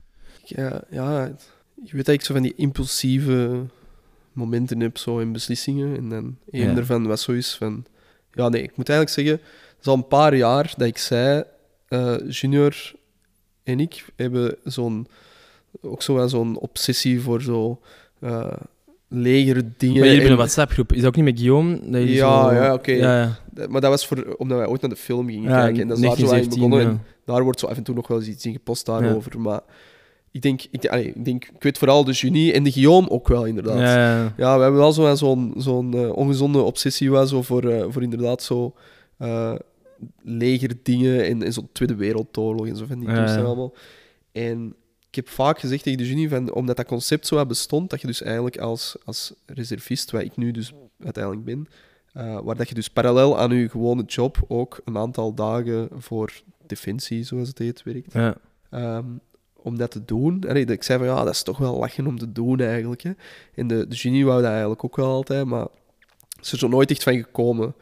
En ja, dat was op de NIF eerst dat we dat zeiden. En dan daarna heb je dat nog wel zo een paar keer boven gehad. Maar oké, dan zijn we aan het werken en dan zijn we aan het verbouwen. En eh, op zich zijn er allemaal niet meer mee bezig. Ja, oké, en dan denk ik eh, twee jaar geleden eens, dacht ik zo van, ah ja, oké, ja, mijn, mijn, kot is nu af en dingen en zo, fijn. Nu, nu ga ik dat eens doen. Dus eh, dan heb ik mij daarvoor ingeschreven. Ook zo echt totaal ongeïnformeerd eigenlijk. Zo. Ja. Gewoon zo dat opgezocht en dan zei ik zo van ja, dat je nog twee dagen had om je in te schrijven. Dus ik ben ook helemaal niet naar zo'n infodag geweest of zo. Ik heb mij gewoon ingeschreven. Mhm. Een maand daarna word jij zo opgeroepen dan om eh, medische testen te komen afleggen en zo psychologische testen, wat ook echt ja, een beetje waanzin is zelfs, wat je, wat je daar, wat je daar vragen. ziet eigenlijk. Mm. Ja, die vragen. Dus, die vragen zijn gemaakt om of dorpsidioten eruit te houden, of radicale zotten, letterlijk. En Maar ja, dus, er ja. zit, dus, je krijgt 500 vragen, Ja. maar er staan vragen tussen zoals van ja, ons land heeft een sterke leider nodig om de, om de buitenlanders eh, buiten te houden of zo, zo die dingen. En dan moet je zo akkoord of niet akkoord zeggen of zo. Ja. Dus ja, oké. eh, een hoop testen, medische testen, ja, je wordt dan aangenomen eigenlijk. Eh, en dan word je in functie van een bepaalde job aangenomen, meestal. Mhm. Dus je kunt, dat kan bijvoorbeeld zijn een, eh, een jurist, eh, een arts. Heel veel, bij mij in de opleiding zaten heel veel artsen, eh, ehm, verplegers ook. Dus Mhm. eigenlijk alle jobs die, ja, Defensie is een overheidsbedrijf eigenlijk, dus dat die niet kunnen betalen, ik zal het Ja. zo zeggen. Dus die, allee, of, of die, waar, die, waar die geen sexy werkgever voor zijn, of geen interessante werkgever, dat zijn heel veel jobs die als reservist worden uitgevoerd. Ehm, dus ik had gesolliciteerd als architect eigenlijk, Mhm. maar ook als eh dekofficier bij de marine. Gewoon omdat ik in bezit was van een vaarbewijs, kon ik daarvoor solliciteren. Maar in, achteraf hoorde ik van, ja, dat het eigenlijk vooral is voor mensen die hogere zeevaartschool hebben gedaan. Dus Ah, het is ja. wel echt een klein verschil Ja. tussen wij idioten die, die een vaarbewijsje hebben en mensen die zes jaar gestudeerd hebben om met zeeschepen te varen. Ehm, Met maar ik denk dat eh, ja, ik denk dat die, die mens van, eh, allee, van een HR daar, dat hij dat niet zo goed wist. Dus eh, Oké. dus oké, ja, je wordt aangenomen en, en ja, dat is, dat is gewoon... Voor mij was het allemaal zo een, een leutig avontuurtje eigenlijk. Want zo. wordt aangenomen en dan heb je eigenlijk eh, opleidingen moeten doen, hè, twee weken Ja. of zo, in de Dus- kazerne in eh, Leopoldsburg. Leopoldsburg. En dan heb je ja, heel veel uiteenlopende eh, dingen, hè, maar... allee, Ja, dus het ding is, het, het, concept is eigenlijk van als, als, als je, je, je komt in dienst van Defensie, maar je bent niet vast in dienst dat dat je, je dagdagelijkse job is. Wat niet wegneemt dat je dat in theorie eigenlijk bijna dag op dag kunt doen als je dat zou willen. mhm. Maar dat is eigenlijk een, een bijjobje. Ehm, en de bedoeling, wat verwacht men van u, is dat je, eens dat je aangenomen bent, dat jij eh, afhankelijk van je graad, hè, want je kunt als eh, vrijwilliger, onderofficier of officier aangenomen worden, moet jij x aantal dagen per jaar eh, presteren. Dus voor mij bijvoorbeeld zijn dat zeven dagen. Dat is niks eigenlijk op zich. Ehm, en eens dat je aangenomen bent, heb je vijf jaar tijd om je basisopleiding af te ronden. Dus iedereen die, die bij het leger komt eigenlijk, moet dezelfde basisopleiding volgen. Mhm. Dus als jij, eh, hoe moet ik dat vergelijken? Als je Wouter Boots was bijvoorbeeld, Mhm. vroeger in, op de voetbal, of, of die andere mannen van de voetbal die in het leger gingen, dan was die opleiding drie maanden. Mhm. En dat is echt, ja, dat is, ik weet niet of je vroeger zo de kadettenschool en zo gezien hebt op tv. Zo. Allee, Mhm. dat is een beetje wat je daar effectief bij inbeeldt, zo heel Over muren klimmen. Back en, to eh, basic, Met een zak wandelen. En, zo van die ja, ja, dingen. ja. eh, marcheren, eh, Schieten. schieten, eh, in, in het bos gaan, eh, gaan, gaan camperen, zo putje graven en daar eh, een, nacht, een nacht in liggen, zo wat, wat drillen. Wat... Ja, en, en dat, dan komen we terug een beetje bij zo dat studenticoos. Dus van, als je de humor ervan inziet, dan wordt het allemaal heel leuk en lachen. Mhm. Maar je hebt ook gasten die niet om kunnen met het gezegd dan bijvoorbeeld van zo'n een pelotonssergeant of zo. Ja, en dan is er wel een issue op den duur vaak met zo van die, van die mannen. Want dat is dan weer niet zoals het studenticoos. Als die gast zegt dat jij iets gaat doen, dan gaat jij dat effectief wel doen. En dan Ja. gaat jij niet zeggen van fuck you. Ehm, dus ja, dat was, wel, ja, dat was wel grappig, want je komt daar dan toe in Leopoldsburg, wat echt zo, ja, dat is zo'n kazerne uit de jaren, jaren 70 of zo. Hè. Dus dat is wel het centrum voor basisopleiding nu. Maar dat is niet veranderd sinds dat onze ouders, bij wijze van spreken, in het, in het leger hebben gezeten, als die er Ja. gezeten of niet. Ehm, dus ja, dat is allemaal zo super oud. Ehm, ja, dan krijg je zo een kamer. Hè, dan je een- het was een corona, eh, dus ja, ik heb dan één kamergenoot in de plaats van vier kamergenoten of zo.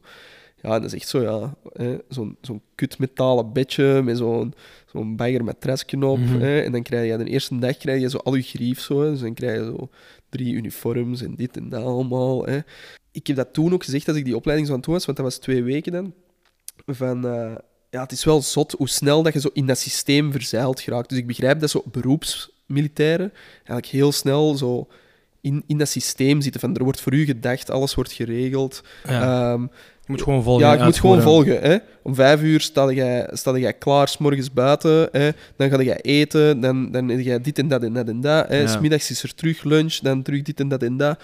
Eten, dit en dat. Nog eens eh, wapenkuisen of zo. En dan pitten gewoon. Hè. Dus alles is zo bepaald voor u. Dus je moet, je moet over niks nadenken.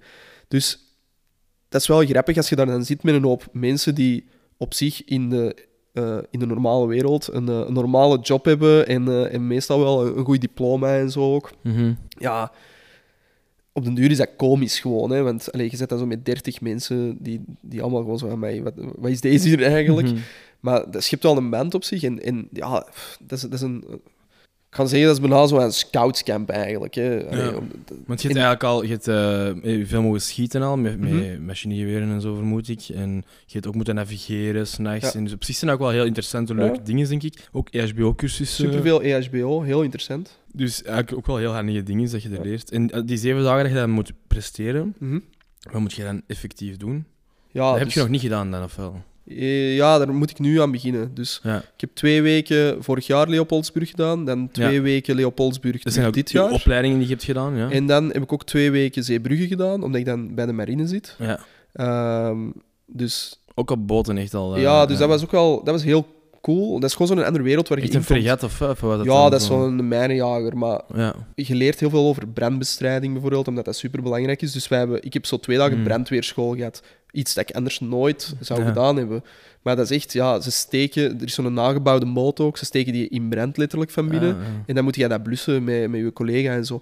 En ja, dat, dat zijn dingen die, die je gewoon... Je krijgt die kans niet om dat te doen erbuiten. Dat is hetzelfde met, met al die wapens en zo ook. Ja. Ja, dat, dat gaat niet snel gebeuren dat je, dat je dat allemaal gewoon even kunt doen. Dus dat is, dat is heel leuke ervaringen. Ja. Eh, sea survival, zo van die dingen heb ik ook allemaal gehad. Zo. Dus ja, dat is, dat is gewoon, ik doe dat echt gewoon voor de leut, omdat dat allemaal zo ja. andere dingen zijn. Maar dus, allee, mijn echte job nu, eh, intern bij Defensie, gaat dan zijn nu... eh, dus ik was eigenlijk als dekofficier aangenomen, dus dat betekent eigenlijk navigatie op de brug op een schip. Hè, maar dat is dan een, eh, waarschijnlijk een patrouilleschip of een, of een mijnenjager. Maar gezien dat dat in die zeven dagen is, is dat heel moeilijk haalbaar. Dus Ja. dat is iets super tegenstrijdig van Defensie. Want een mijnenjager gaat twee maanden op zending.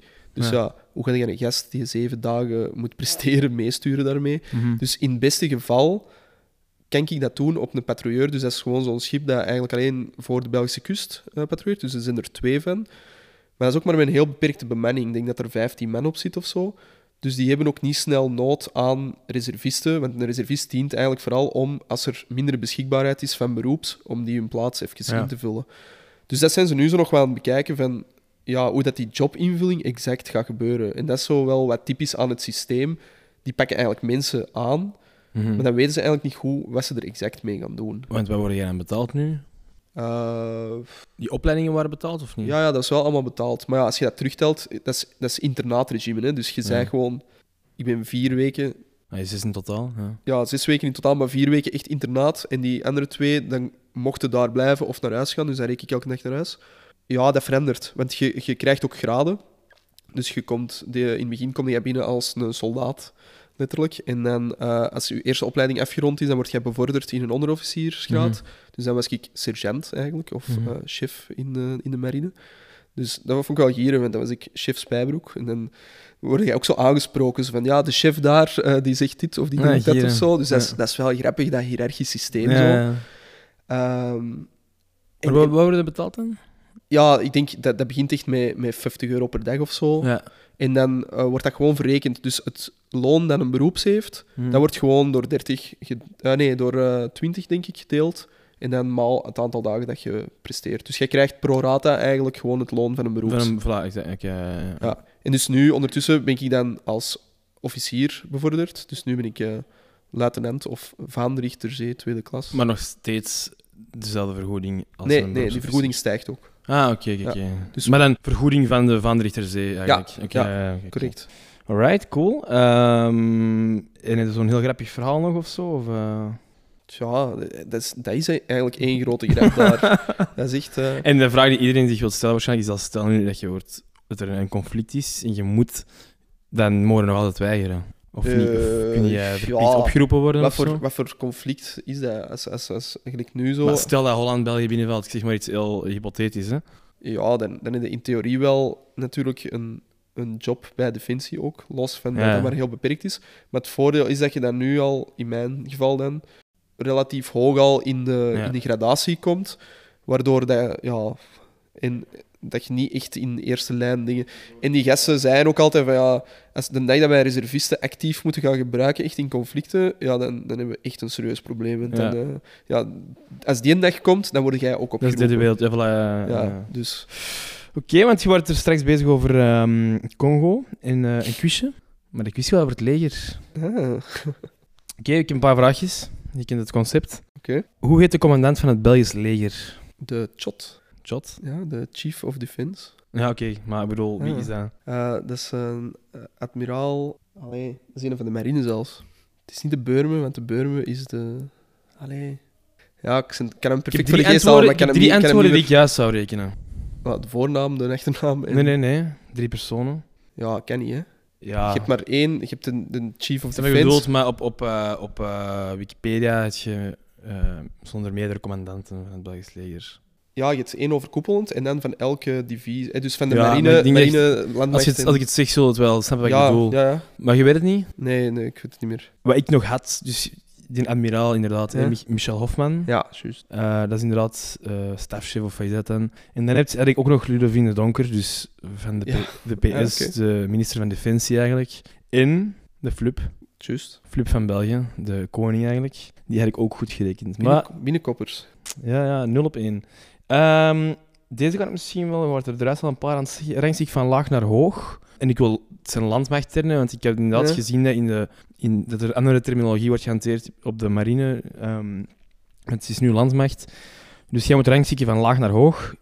Kapitein, kolonel, generaal, majoor, luitenant, sergeant. Ja, de sergeant van onder. Dan de luitenant, dan de kapitein. Dan de majoor. Ja. Ehm wat je nog gezegd? Kapitein, kolonel, generaal, majoor, luitenant, sergeant. Dus alleen nog Je hebt er de, nog twee inderdaad. de generaal en de kolonel. Die moet je nog zeggen, ja. Ehm, eerst de kolonel en dan de generaal. Klopt, klopt, klopt. En dus inderdaad, in, je hebt ook de, de andere benamingen van marine, kent je die ook? Eh, de sergeant is de ehm, tweede meester. Ja. ehm, of chef. Oké. Eh, de luitenant is de vaanrichterzee of uh, Ja. vaanrichterzee tweede klas. De kapitein is de vaanrichterzee. Nee, Eh, kapitein is de luitenant ter zee. Ja. Ah, nee, ik. nee, dat is luitenant eerste klas. Is, nee, nee, dat is correct, ja, Ja. wat jij zegt. Major? Ehm, daar wordt het moeilijkst. Hè. Dat zijn die rangen waar je nog niet, Ja, nog niet ja zit. dat is echt... Ja, nee, nee. Ehm Corvette-kapitein. Ja, mooi. Ja, juist. En kolonel? Dat is... Daar zegt de commandant, maar... ehm, Dat kan, ja. Ik ken de slang nog niet. ja, het voordeel is bij de marine, vanaf een bepaald niveau noemt iedereen gewoon commandant in Ah. aanspreekterm. Aanspreekterm, ja. Dus dat is... Je houdt Ja. je niet meer bezig met dat gewoon te leren. Dan... Maar het is zo inderdaad, kapitein is luitenant ter zee en kolonel is kapitein, kapitein. ter zee. Raar. Ja. En generaal is... Om- Generaal Admiraal. is... Admiraal, inderdaad. Ja, ja, ja. ja dat, is, dat is juist. hè. Dus eh, de, de, de rangschikking was juist, dus 1 op 2. Waar zitten op dit moment geen Belgische militairen, allee, actieve, niet op vakantie of zo, ehm, actieve Belgische militairen? Mali, Niger, Afghanistan of de Baltische Staten? Niger. In Mali is er 110 man. In Niger, operatie New Nero, 320 man. In Afghanistan zijn alle Belgen teruggetrokken. Ja, oké. En dan in de Baltische Staten is het ook 326 man. Dat zijn inderdaad van die NAVO-missies en Ja, wat is dat allemaal, zo peacekeeping dinges. Eh 1 op 3, Vinnie. Ja, je Eh, verwacht ik hier... eh, Nog een paar de- vragen. Hoeveel man telt het Belgische leger? Je mocht er een beetje naast zitten. Ik zeg na het antwoord pas hoeveel je ernaast mocht zitten. Omdat je anders een referentie hebt, natuurlijk. 100.000 man. Je mocht er 2000 naast zitten. En het was 25.000 beroeps en 3000 Ik heb geen idee. Van. reservisten. Oké, 1 op 4. Ik, had- ik zal het niet zeggen tegen uh, uw chef. Waar heb je geen legerbasis of kazerne? In Kokzijde, in Beverlo, in Leopoldsburg of in Pelt? In Pelt. Klopt. In Kokzijde is een... Een luchtmachtbasis. Ja, is dat een vliegtuig, een vliegbasis? Beverlo is eh, Leopoldsburg. Ja. En wat was dan? dat Ah, Beverlo is Leopoldsburg. Ja. Ah, oké. Ik Ja, heb ja, Pelt. Dat is niet waar. Dat is, je hebt een straat ertussen. Aan de ene kant is Leopoldsburg en aan de andere kant is Beverlo. Ah, oké. oké. Laatste vraag. Je hebt 2 op 5. Je kunt nog... ehm, Liggen er kernwapens in België? Ah, mijn, mijn NAVO top secret clearance eh, moet zeggen van tot ik van niks weet. Hè. Wat denkt dan? Ja, ik, ik weet evenveel denk ik als, eh, als de rest van de wereld daarover. Hè. Van, ja, er wordt gezegd dat dat op, eh, op kleine brogel eh Dus ligt. ja. Wat ik ook juist zeggen is ja, inderdaad. Er zouden 10 à 20 liggen in Kleine Brogel. Dat is een document van de NAVO. Blijkbaar in 2019 is dat wel gelekt en bevestigd geweest of zoiets. Ja, maar toen was er ook denk ik gezegd van dat ze die gingen wegnemen Ja. daar. Oké, I don't 3 op know. 6. Dat is leuk. Goh ja. Oké. Dan, wat hebben we nog over u? Eh, je hebt ADHD. ja, blijkbaar. Of heb je dat niet, is dat zever? zoals Maar je hebt mensen die- Shardy, Je hebt eh, mensen die zeggen dat dat zoals hoofdpijn is natuurlijk. Dat, dat komt en gaat en dat je dat met een gaan oplost. Nee, maar is dat echt vastgesteld, bij u? Of... Dat is wel vastgesteld. Eh allee, maar ik in- denk een beetje dat- van, van wat Sherdy ook zegt, hè, van dat dat een, eh, een ziekte van de tijd is. Zo, hè, van dat dat nogal snel een, een label is dat geplakt werd. Ik denk dat mijn vader dan ook ADHD had vroeger, maar toen was dat gewoon een lastig kind en dan kreeg je een klets rond je oren en dan was het opgelost. Dus, maar ik kan alleen maar voor mezelf spreken. Van, ja, bij mij hebben ze dat dan getest in, in Leuven, denk ik dat dat dan was en zo. En dan toen ze zo ja, van die psychologische onderzoeken. en- Hoe oud werd je? 12 of zo, denk ik. Allee, Mhm. dat was zo, dat was ja, zo die periode dat inderdaad zo iedereen ADHD, ADD, ah, weet ik veel wat, allemaal. Iedereen, allee, iedereen had zoiets precies. En, Mhm. en bij mij was dat gewoon zo, ja, ja je bent wat druk. En, en allee, ik denk een beetje hetzelfde wat, wat Jerdy zo zegt, van, van ja, hè, druk zijn. En, en dat dat toen precies was, als een kind druk is, ja, dan scheelt er iets mee. Dan moet je die wat pillen geven. Ja. Voilà. En dat was de conclusie gewoon zo toen van... Ja, oké, je bent misschien wat druk, maar je, hebt, allee, je kunt mee op school, hè, dus je hebt gewoon goede punten. Uh, het is niet dat je iedereen zo hard uh, lastig valt dat niemand niet meer tegen u wilt spreken of zo. Uh, dus dat is ook uh, positief. Dus ja, je kunt je drukheid wat oplossen met Relatin. Dus dan had ik een voorschrift Relatin. Oké. Okay.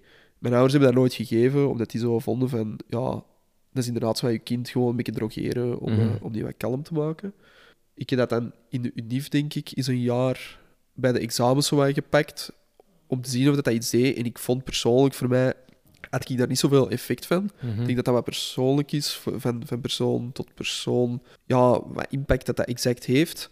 Ik denk dat dat ook vaak placebo is. Van, dat je denkt van, omdat je Relatin pakt, dat je supergoed kunt concentreren ineens.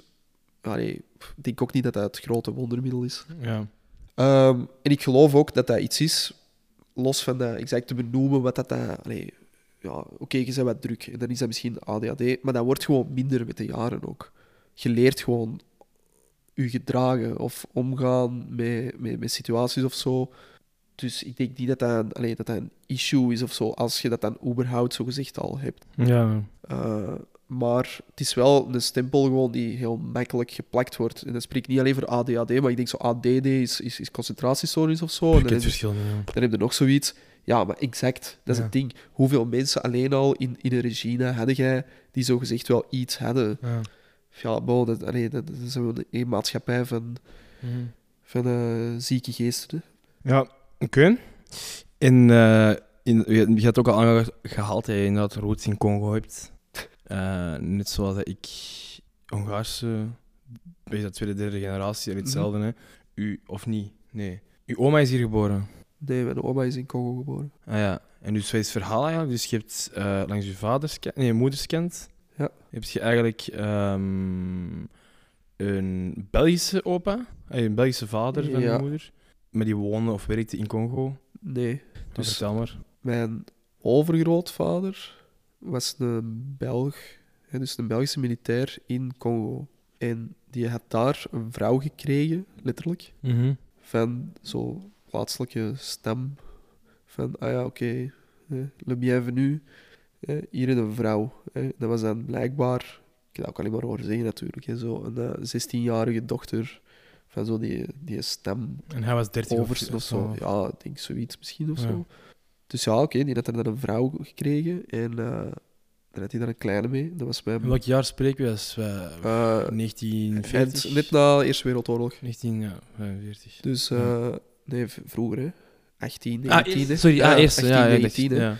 Dus mijn, mijn grootmoeder Ja. is van 1920. Ja, ja, ja, oké, Ehm. Dus mijn grootmoeder wordt geboren en eh, op die moment zegt mijn overgrootvader ook van... eh, Dus je grootmoeder was eigenlijk een mengeling al van, eh, van. België en Congolees.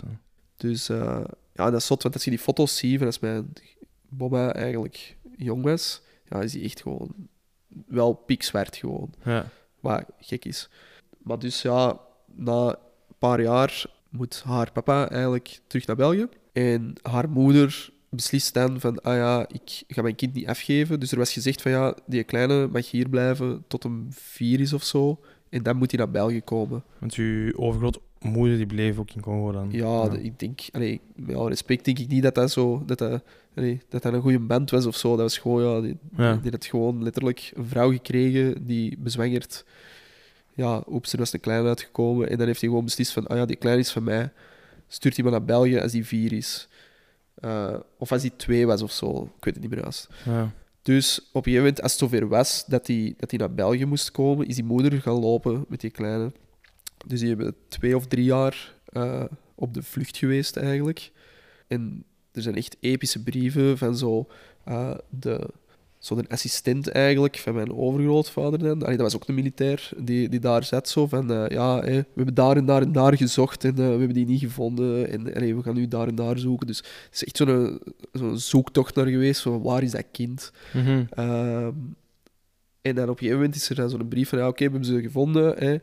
Die gaat op die boot naar, eh, naar België. Hè. Dus die vertrekt dan. En die komt dan zo anderhalve maand later komt hij dan aan in Antwerpen. En dat is ook gebeurd. Ja, ja, dat is ook ja, dus ze hebben die gevonden. Als die, als die aan vier of vijf was, Dat ook geen hebben ze die kleine eigenlijk gewoon weggenomen bij haar moeder. En, eh, Ah, de kleine is... De, moe, de, de over, uw overgrootmoeder Ja, ja, die is gebleven. ja, die is gewoon daar gebleven. Ja, ik denk niet dat hij veel keuze had, waarschijnlijk ook of zo. Oh, maar ja, Germen. Dus ze hebben gewoon die kleine eigenlijk gepakt en eh, op de boot gezet. En ook gewoon zo, ja, dat is niet dat er zo iemand meekwam of zo. Dat is gewoon zo, ja, kleine hier, die geven die gewoon aan een andere persoon. Hier, die moet daar geraken. Ja. Dus ja, ik denk, het, het voordeel was wel, mijn mama vertelde ook al, dat hij daar eigenlijk niet echt herinneringen van heeft of zo. Of, of daar nog iets van, van, van wist of zo vandaar.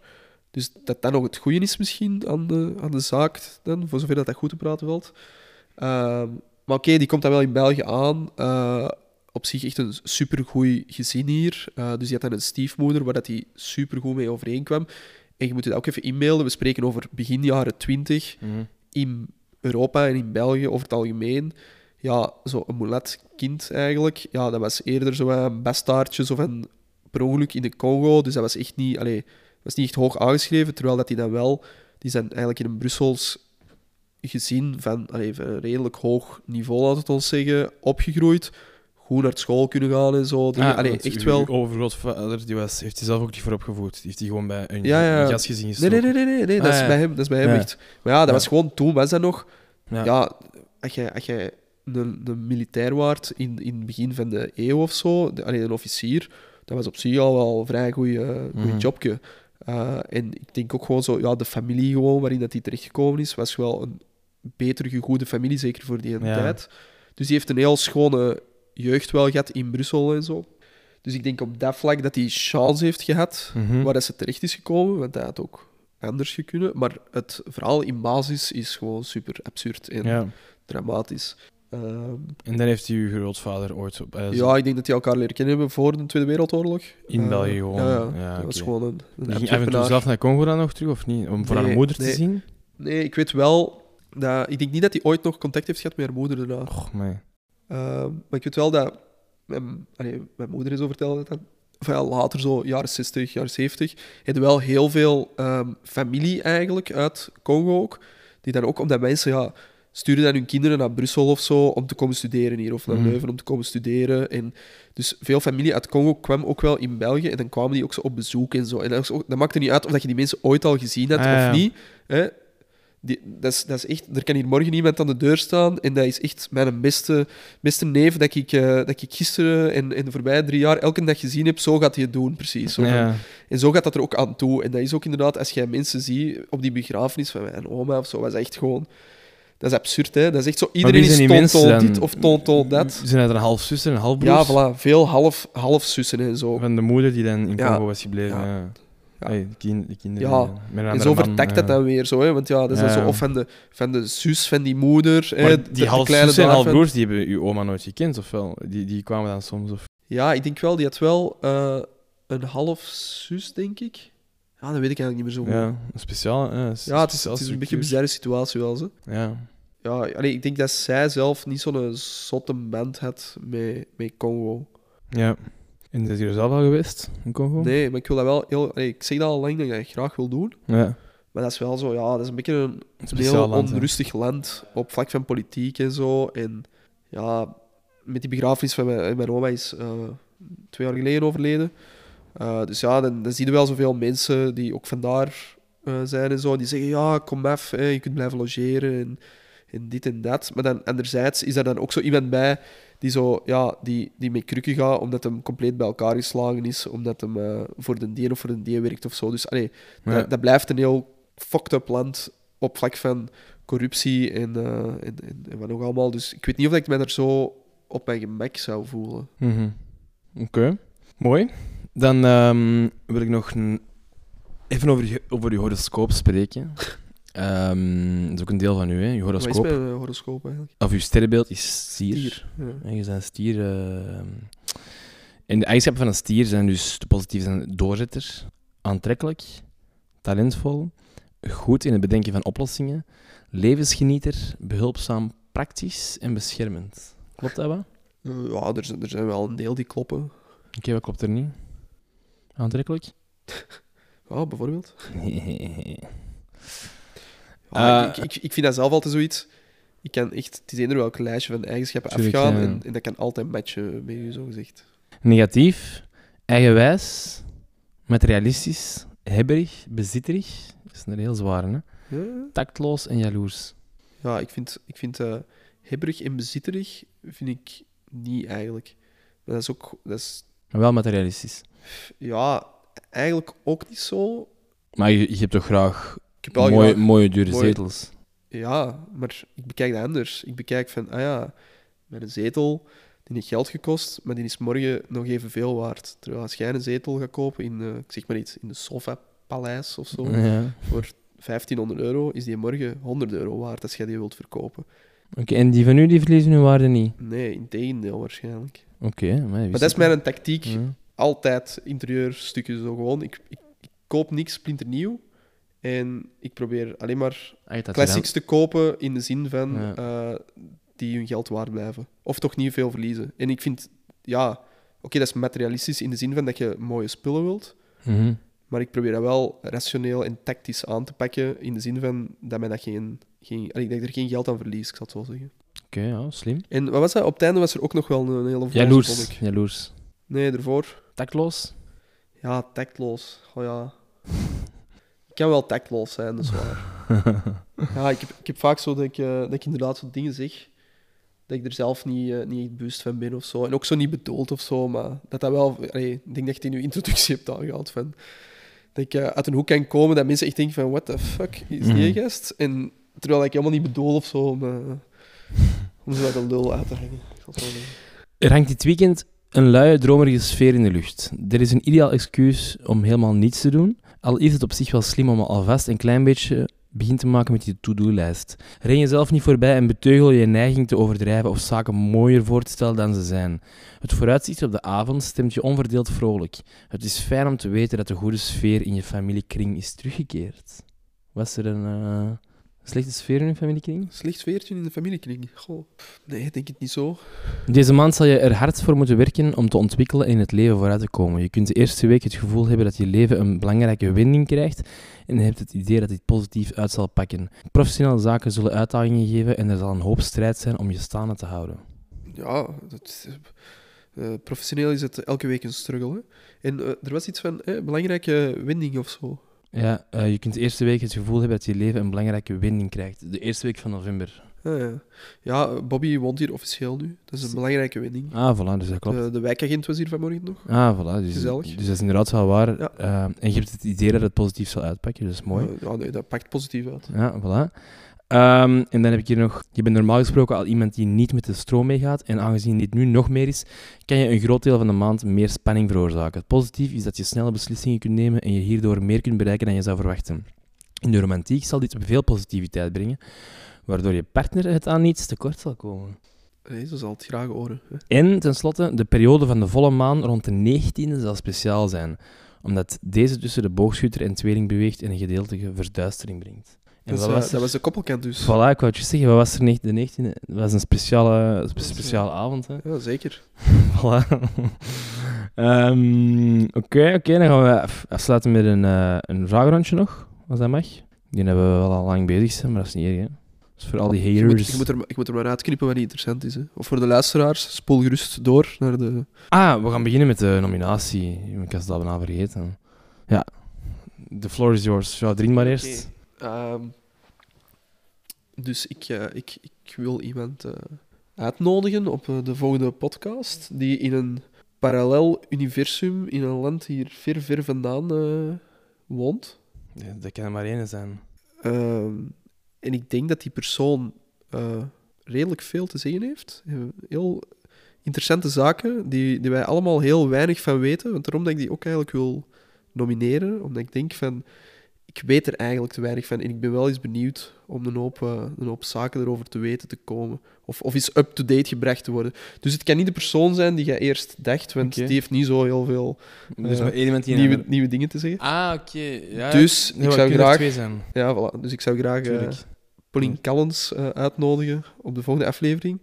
En ik ga het expliciet verbieden dat eh, Willy dit interview afneemt in Antwerpen. Dus die Ah. moet zich verplaatsen ter plaatse in Amsterdam. In Amsterdam, school.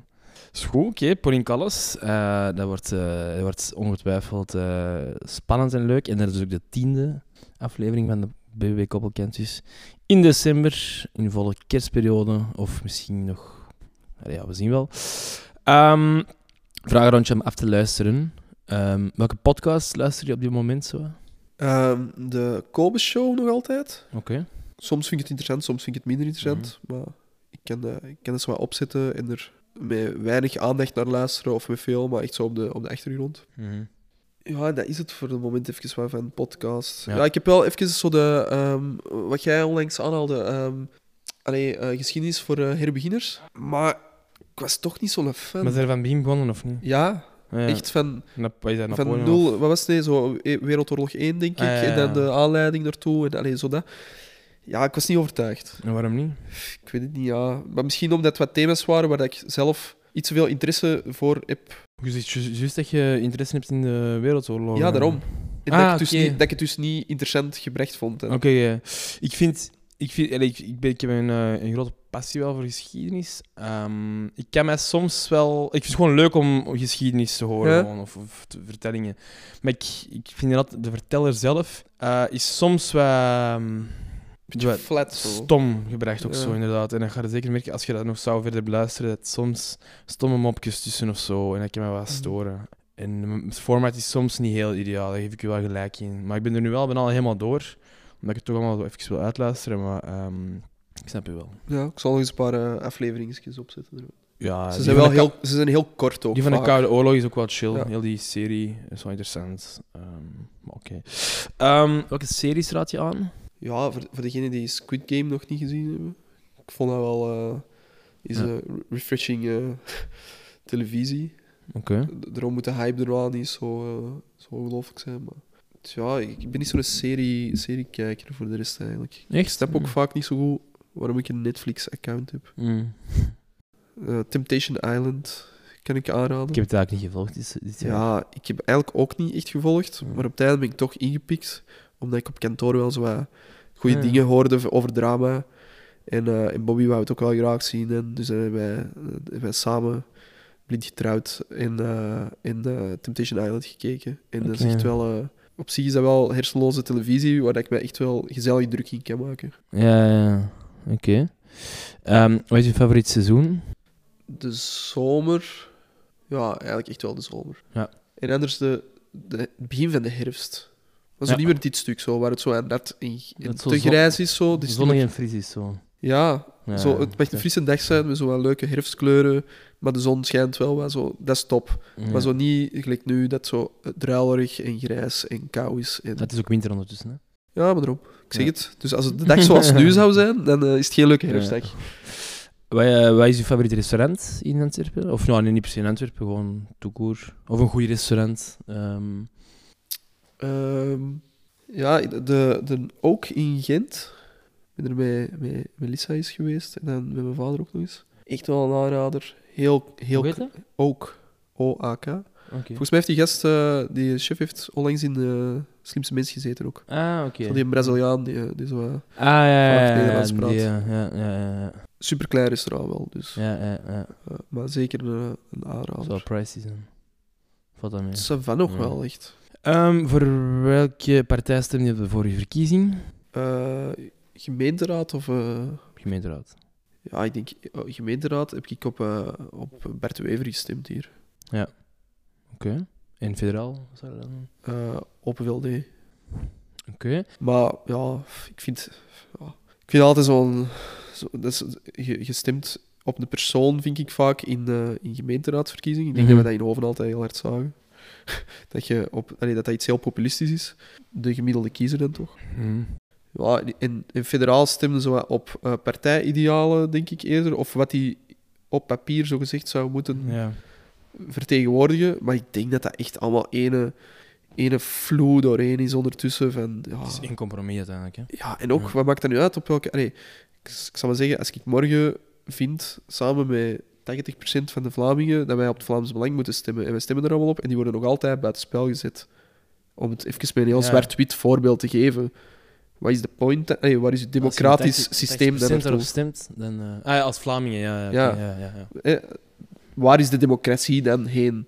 Als je het... Ja, in theorie is het nog altijd bekijken. democratisch. Hè? Als je toch nog altijd de meerderheid kunt maken, is het nog altijd democratisch. ja. Maar ik Ja, snap dat is waar, ja. Maar, maar dat is dus het punt. Hè. Ik snap wel dat er twee Ja. eh, kanten zijn. Allee, twee meningen over u. Ja, ik vind politiek iets heel... Ja. Ik, ik, ik probeer mij daar zo voor te interesseren, maar ik vind het vaak moeilijk om het te blijven doen, omdat dat Ja. echt vaak zoiets kinderachtig is eigenlijk. Er kwam een stemrecht aan, dacht ik. Hè? Ja. Ze gaan afstappen van de plicht. Ja, ik, Ga je dan nog stemmen? ja, ik denk het wel. Ik denk dat dat zoiets Amerikaans wordt en zo, dat, Hmm. dat je wel beelden gaat krijgen waar dat mensen serieus gaan verschieten van kiisuitslagen, omdat alleen de mensen die echt vinden dat ze een zotte mening hebben, bijvoorbeeld, gaan stemmen, terwijl de rest is wat, denk zoals wij veel, zo wat mediocre is en gewoon denkt van ja, ja, of dat ik nu ga stemmen of niet, dat maakt niet zoveel uit. Ja. Die niet gaan stemmen en dan krijg je er nog zottere uitslagen, volgens mij. Ja. Oké. Welke taal zou je zo willen kunnen? Goh, Chinees of zo? Mhm, Oké. Ik vind dat echt zoiets buiten, buiten bereik. Dat ook heel moeilijk is. En Ja, dat is echt maf moeilijk om Het zou te... stom zijn om Spaans te zeggen, omdat dat niet moeilijk te leren is bij zo'n spreken, terwijl Chinees is wel... Goh, je ja, maar bij Spaans denk ik zo, ja, als ik naar Spanje ga, of, of ergens waar ze Spaans praten, ik zal mijn plan wel kunnen trekken met, met wat Engels en dingen of zo. Maar China, Engels, pas op. In Spanje, ik, daar- Ja, ben vers- ik ben daar ook verschoten. je hebt er nog een beetje voeling mee. Snap je? Met Ja, Chinees, ja. Allee, we zullen het eens aan de Jordi vragen, maar ik heb heel weinig voeling met Chinees. En ik denk ja, dat je dat niet snel creëert. Dus, en dat daar wel echt ongelooflijke opportuniteiten liggen als je Chinees kunt. Ja, Of Arabisch of zo, dat is ook zoiets. ja. ja dat kan... eh Pauline kan dat, hè. Of die leert dat, of heeft dat geleerd. Ik het Ja. met haar over Voilà, hebben. dat is voilà, interessant onderwerp om te bespreken. Bababam, dilemma. Voor de rest van je leven moet jij je kleren kopen in de Zeeman of de Vibra, dus alleen die twee winkels. Of je kleren heel de rest van je leven in opnieuw in Co, tweedehandswinkel. Eh, in opnieuw in co. Tweedehandswinkel. Ja, ik denk dat je wel echt lolle, lolle dingen kunt doen. Ja. Oké. Ik heb een interessante, interessante post gelezen van Rudy Bols vandaag, waarin hij zich afvraagt het volgende. Nu we in Hoven toch al redelijk gezegend zijn met de fietsstraten, de fietsstraten en zones 30, hou ik mij daar als automobilist aan en steek ik bijvoorbeeld fietsers niet voorbij in de fietsstraten. Hè? Want zo hoort het, hè? in een fietsstraat moet je, mocht je niet inhalen, inhalen. je moet achter de fietser blijven. Ook al doen ze soms een teken om dat wel te doen, hè? van ga maar. Maar wat dan met de, tussen aanhalingstekens, fietsers die mij, zelf dus rijdend aan iets meer dan 30 per uur, inhalen? Daar moet ik nu het antwoord eh, op Ja. geven. voor de- Dat, is een, dat is echt een, een van de vele goede levensvragen van Rudy. Maar de vraag is dus eigenlijk, Ja, fietsers auto's inhalen Ja. in een fietsstraat? Volgens u. Volgens mij ook niet waarschijnlijk, want er is gewoon een inhaalverbod in het algemeen, denk ik, of niet? Of is dat alleen inderdaad een gemotoriseerd voertuig ten opzichte van een fiets? Wel, dat is een goede vraag. Ja. En wat Als met een inhaalverbod Wat is, met een speedpedelec of zo. Hè? Ja. Is een fiets met een nummerplaat. Is dat inderdaad, wat je zegt, van als het een inhaalverbod is, dan, dan zal het inderdaad zo zijn hè, dat, dat je niet mocht inhalen. Ja. Ik denk dat, ja. Ja. Ik ben geen eh, verkeers, maar, verkeersdeskundige, maar is misschien een vraag voor de Guillaume. Dat is meer deze. Dat is vinger op de wonden dat hem altijd ligt. Hè? Ja, de Rudy, de Rudy is de man van, eh, Ja. van zeer veel wijsheden. Hè? Ja. Dat weten we allemaal. Oké, wat is je favoriete bestelling in frituur? Een middelfrietje, een biggie cheese en chick fingers. En een potje speciaalsaus. Oké, ik heb ineens heel veel zin in frieten. Ja. Ook al hebben we al een pizza gegeten de rest. Aan welk materiaal voorwerp hecht jij het meeste belang? Goh, Je auto, je Porsche? nee, helemaal Is niet dat ook iets dat je aan dezelfde waarde kunt overkopen eigenlijk? Eh, ja, ik kan die, ik kan die volgens mij zeker verkopen aan de prijs dat ik die gekocht heb. Echt? Ja. Oké. Ik ben eh, de je denkt dat ik alleen maar ma- materialistisch ben, maar ik Ja, probeer ja. slim te kopen. Uw- Ja, oké, ja. Je dure schoenen en zo, alles. eh. Maar ja, ja. nee, het- het- je, moet, je moet u even e-mailen inderdaad. Ik ben zeer impulsief. Dat is een punt. Die zebra achter u. Ja, voilà. voilà. Maar dat is, ja... Ja, ja snap je? Ik heb vaak zoiets, dat is een goed idee. En dan doe ik Ja. dat, en dan... Eigenlijk is dat niet per se een goed idee. Maar oké, fijn. Maar het is niet dat ik niet kan leven zonder. Ja, ja, ja. Ehm, ik heb nog niet vaak zoiets gehad van... Maar deze was echt helemaal niet slim van te doen. Eh, ja, materiaal voorwerp. Ja, ik weet niet, zo eerder van die, van die persoonlijke, eh, waardeloze dingen eigenlijk. Zo van, Fotoboeken of zo. of, eh. Ja, wel, ja, bijvoorbeeld fotoboeken vind ik een keigoed voorbeeld. Ik vind dat heel spijtig nog altijd, dat zo, met digitale foto's nu, dat heel veel verloren gaan. Ja, maar Ik moet zo, gewoon... als, als, als het huis van mijn ouders, hè, want dat ligt bijvoorbeeld allemaal bij mijn ouders, zo, mijn fotoboeken van als ik klein was, Ja. als, als het huis van mijn ouders zou afvikken, ik denk dat dat een van de eerste dingen is dat ik zou denken van, dat moet je er nog uithalen. Zo. Maar ja, mijn ouders hebben ooit allemaal zo wat ingescand. En eh, dat is dan gedigitaliseerd geweest. Dus dat is wel handig.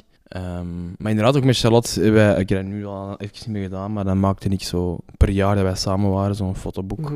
En dat is wel leuk om dat fysiek te hebben, want digitaal Je doet daar niks meer mee. wij. Allee, ik, ik zit wel vaak met mijn foto's en je kunt heel snel foto's terugvinden. Dat is wel leuk, dat je heel snel Ja, eh, dat foto's van- Firenze en trouwens Stefanie of whatever, je kunt dus heel snel wel...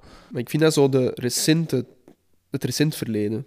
Snap je? Ik kan van onze studententijd, Ja, ja, ja. dat weet jij ook, ik kan zo echt hier foto's van dan terugzoeken. Maar toen we zo 12 eigenlijk, zo. Die periode, zo, dat zo digitale fotografie begon, ja, dan eindigde dat zo op zo'n desktop-computer ergens bij je thuis. Hè, en dan, dan crashte dat spel en dan was alles verloren of zo. Of nee, dat was dan zo niet goed gebackupt of zo. Dus ik denk zo, ja, er is wel zo'n gat waar dat veel foto's gewoon ergens zo op een computer in de kelder staan of, of weet ik het.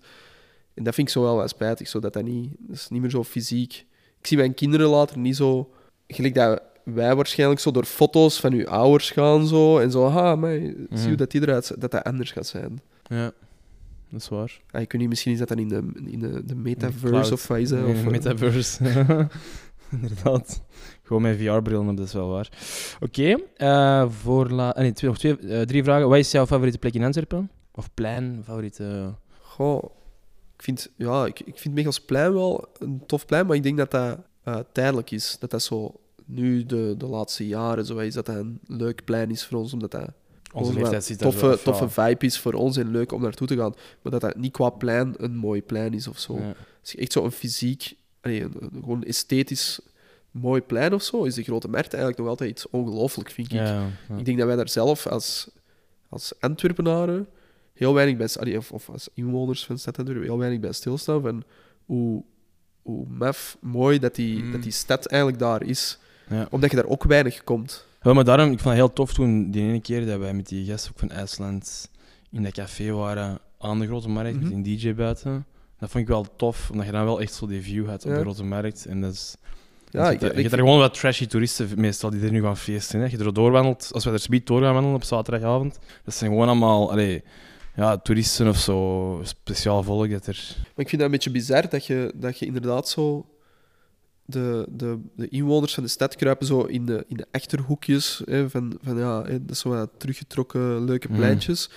Terwijl zo, ja, het centrum van onze, van onze stad, zo, waar, waar dat ooit de bedoeling was om de, de grandeur van, van die stad uit te dingen, dat is echt zo inderdaad gericht op, puur op toeristen. Ja. En nog niet eens echt inderdaad super high-end toerisme of zo. Ja. Dat is echt inderdaad wat jij zegt, zo'n Maar ook beetje... 16 jaar, ik denk je ook veel zo... Ja, ja, veel, allee, ja. veel dealertjes en zo. Ja. Ja. trashy toeristen inderdaad, wat jij, wat jij wat zegt. Dus het is een beetje spijtig. Ja. Oké, eh, als je de lotto wint 1 miljoen, wat doe je dan? Of wat koop je dan? Of, eh, Uh, ja, echt investeren gewoon allemaal. Oké. Echt Ja. gewoon zo snel mogelijk zorgen dat dat, dat, dat miljoen geld opbrengt. En geen housewarming? Eh, ja, dat wel, maar daar moet ik geen miljoen voor winnen. Hè. Dus, Oh, moet je gewoon een, da Ja, gewoon een datum gewoon prikken. datum pikken. En dan krijg ik ja. die team Macken die ik aan u moet. eh, Ah ja, what the geven. fuck, dus juist, je moet altijd teambacken.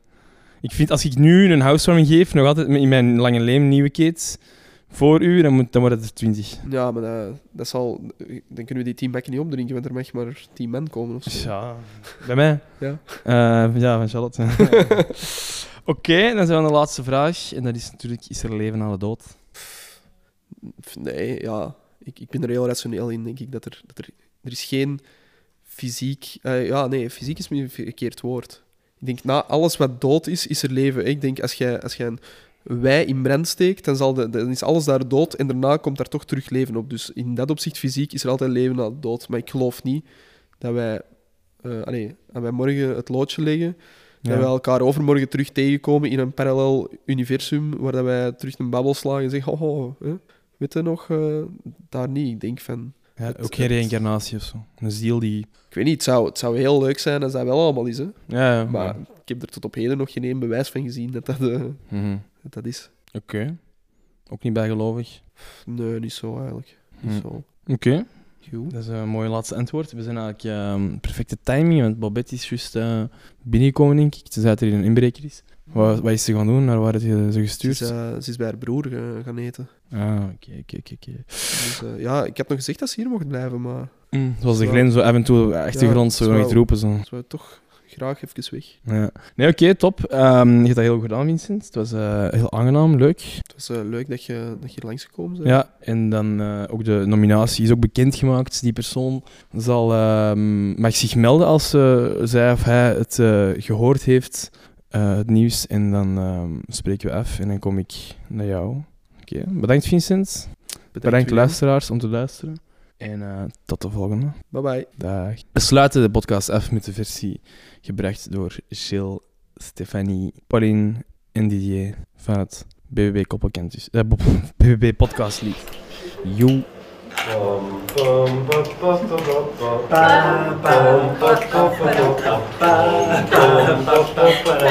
de BBB Podcast, de podcast van de BBB.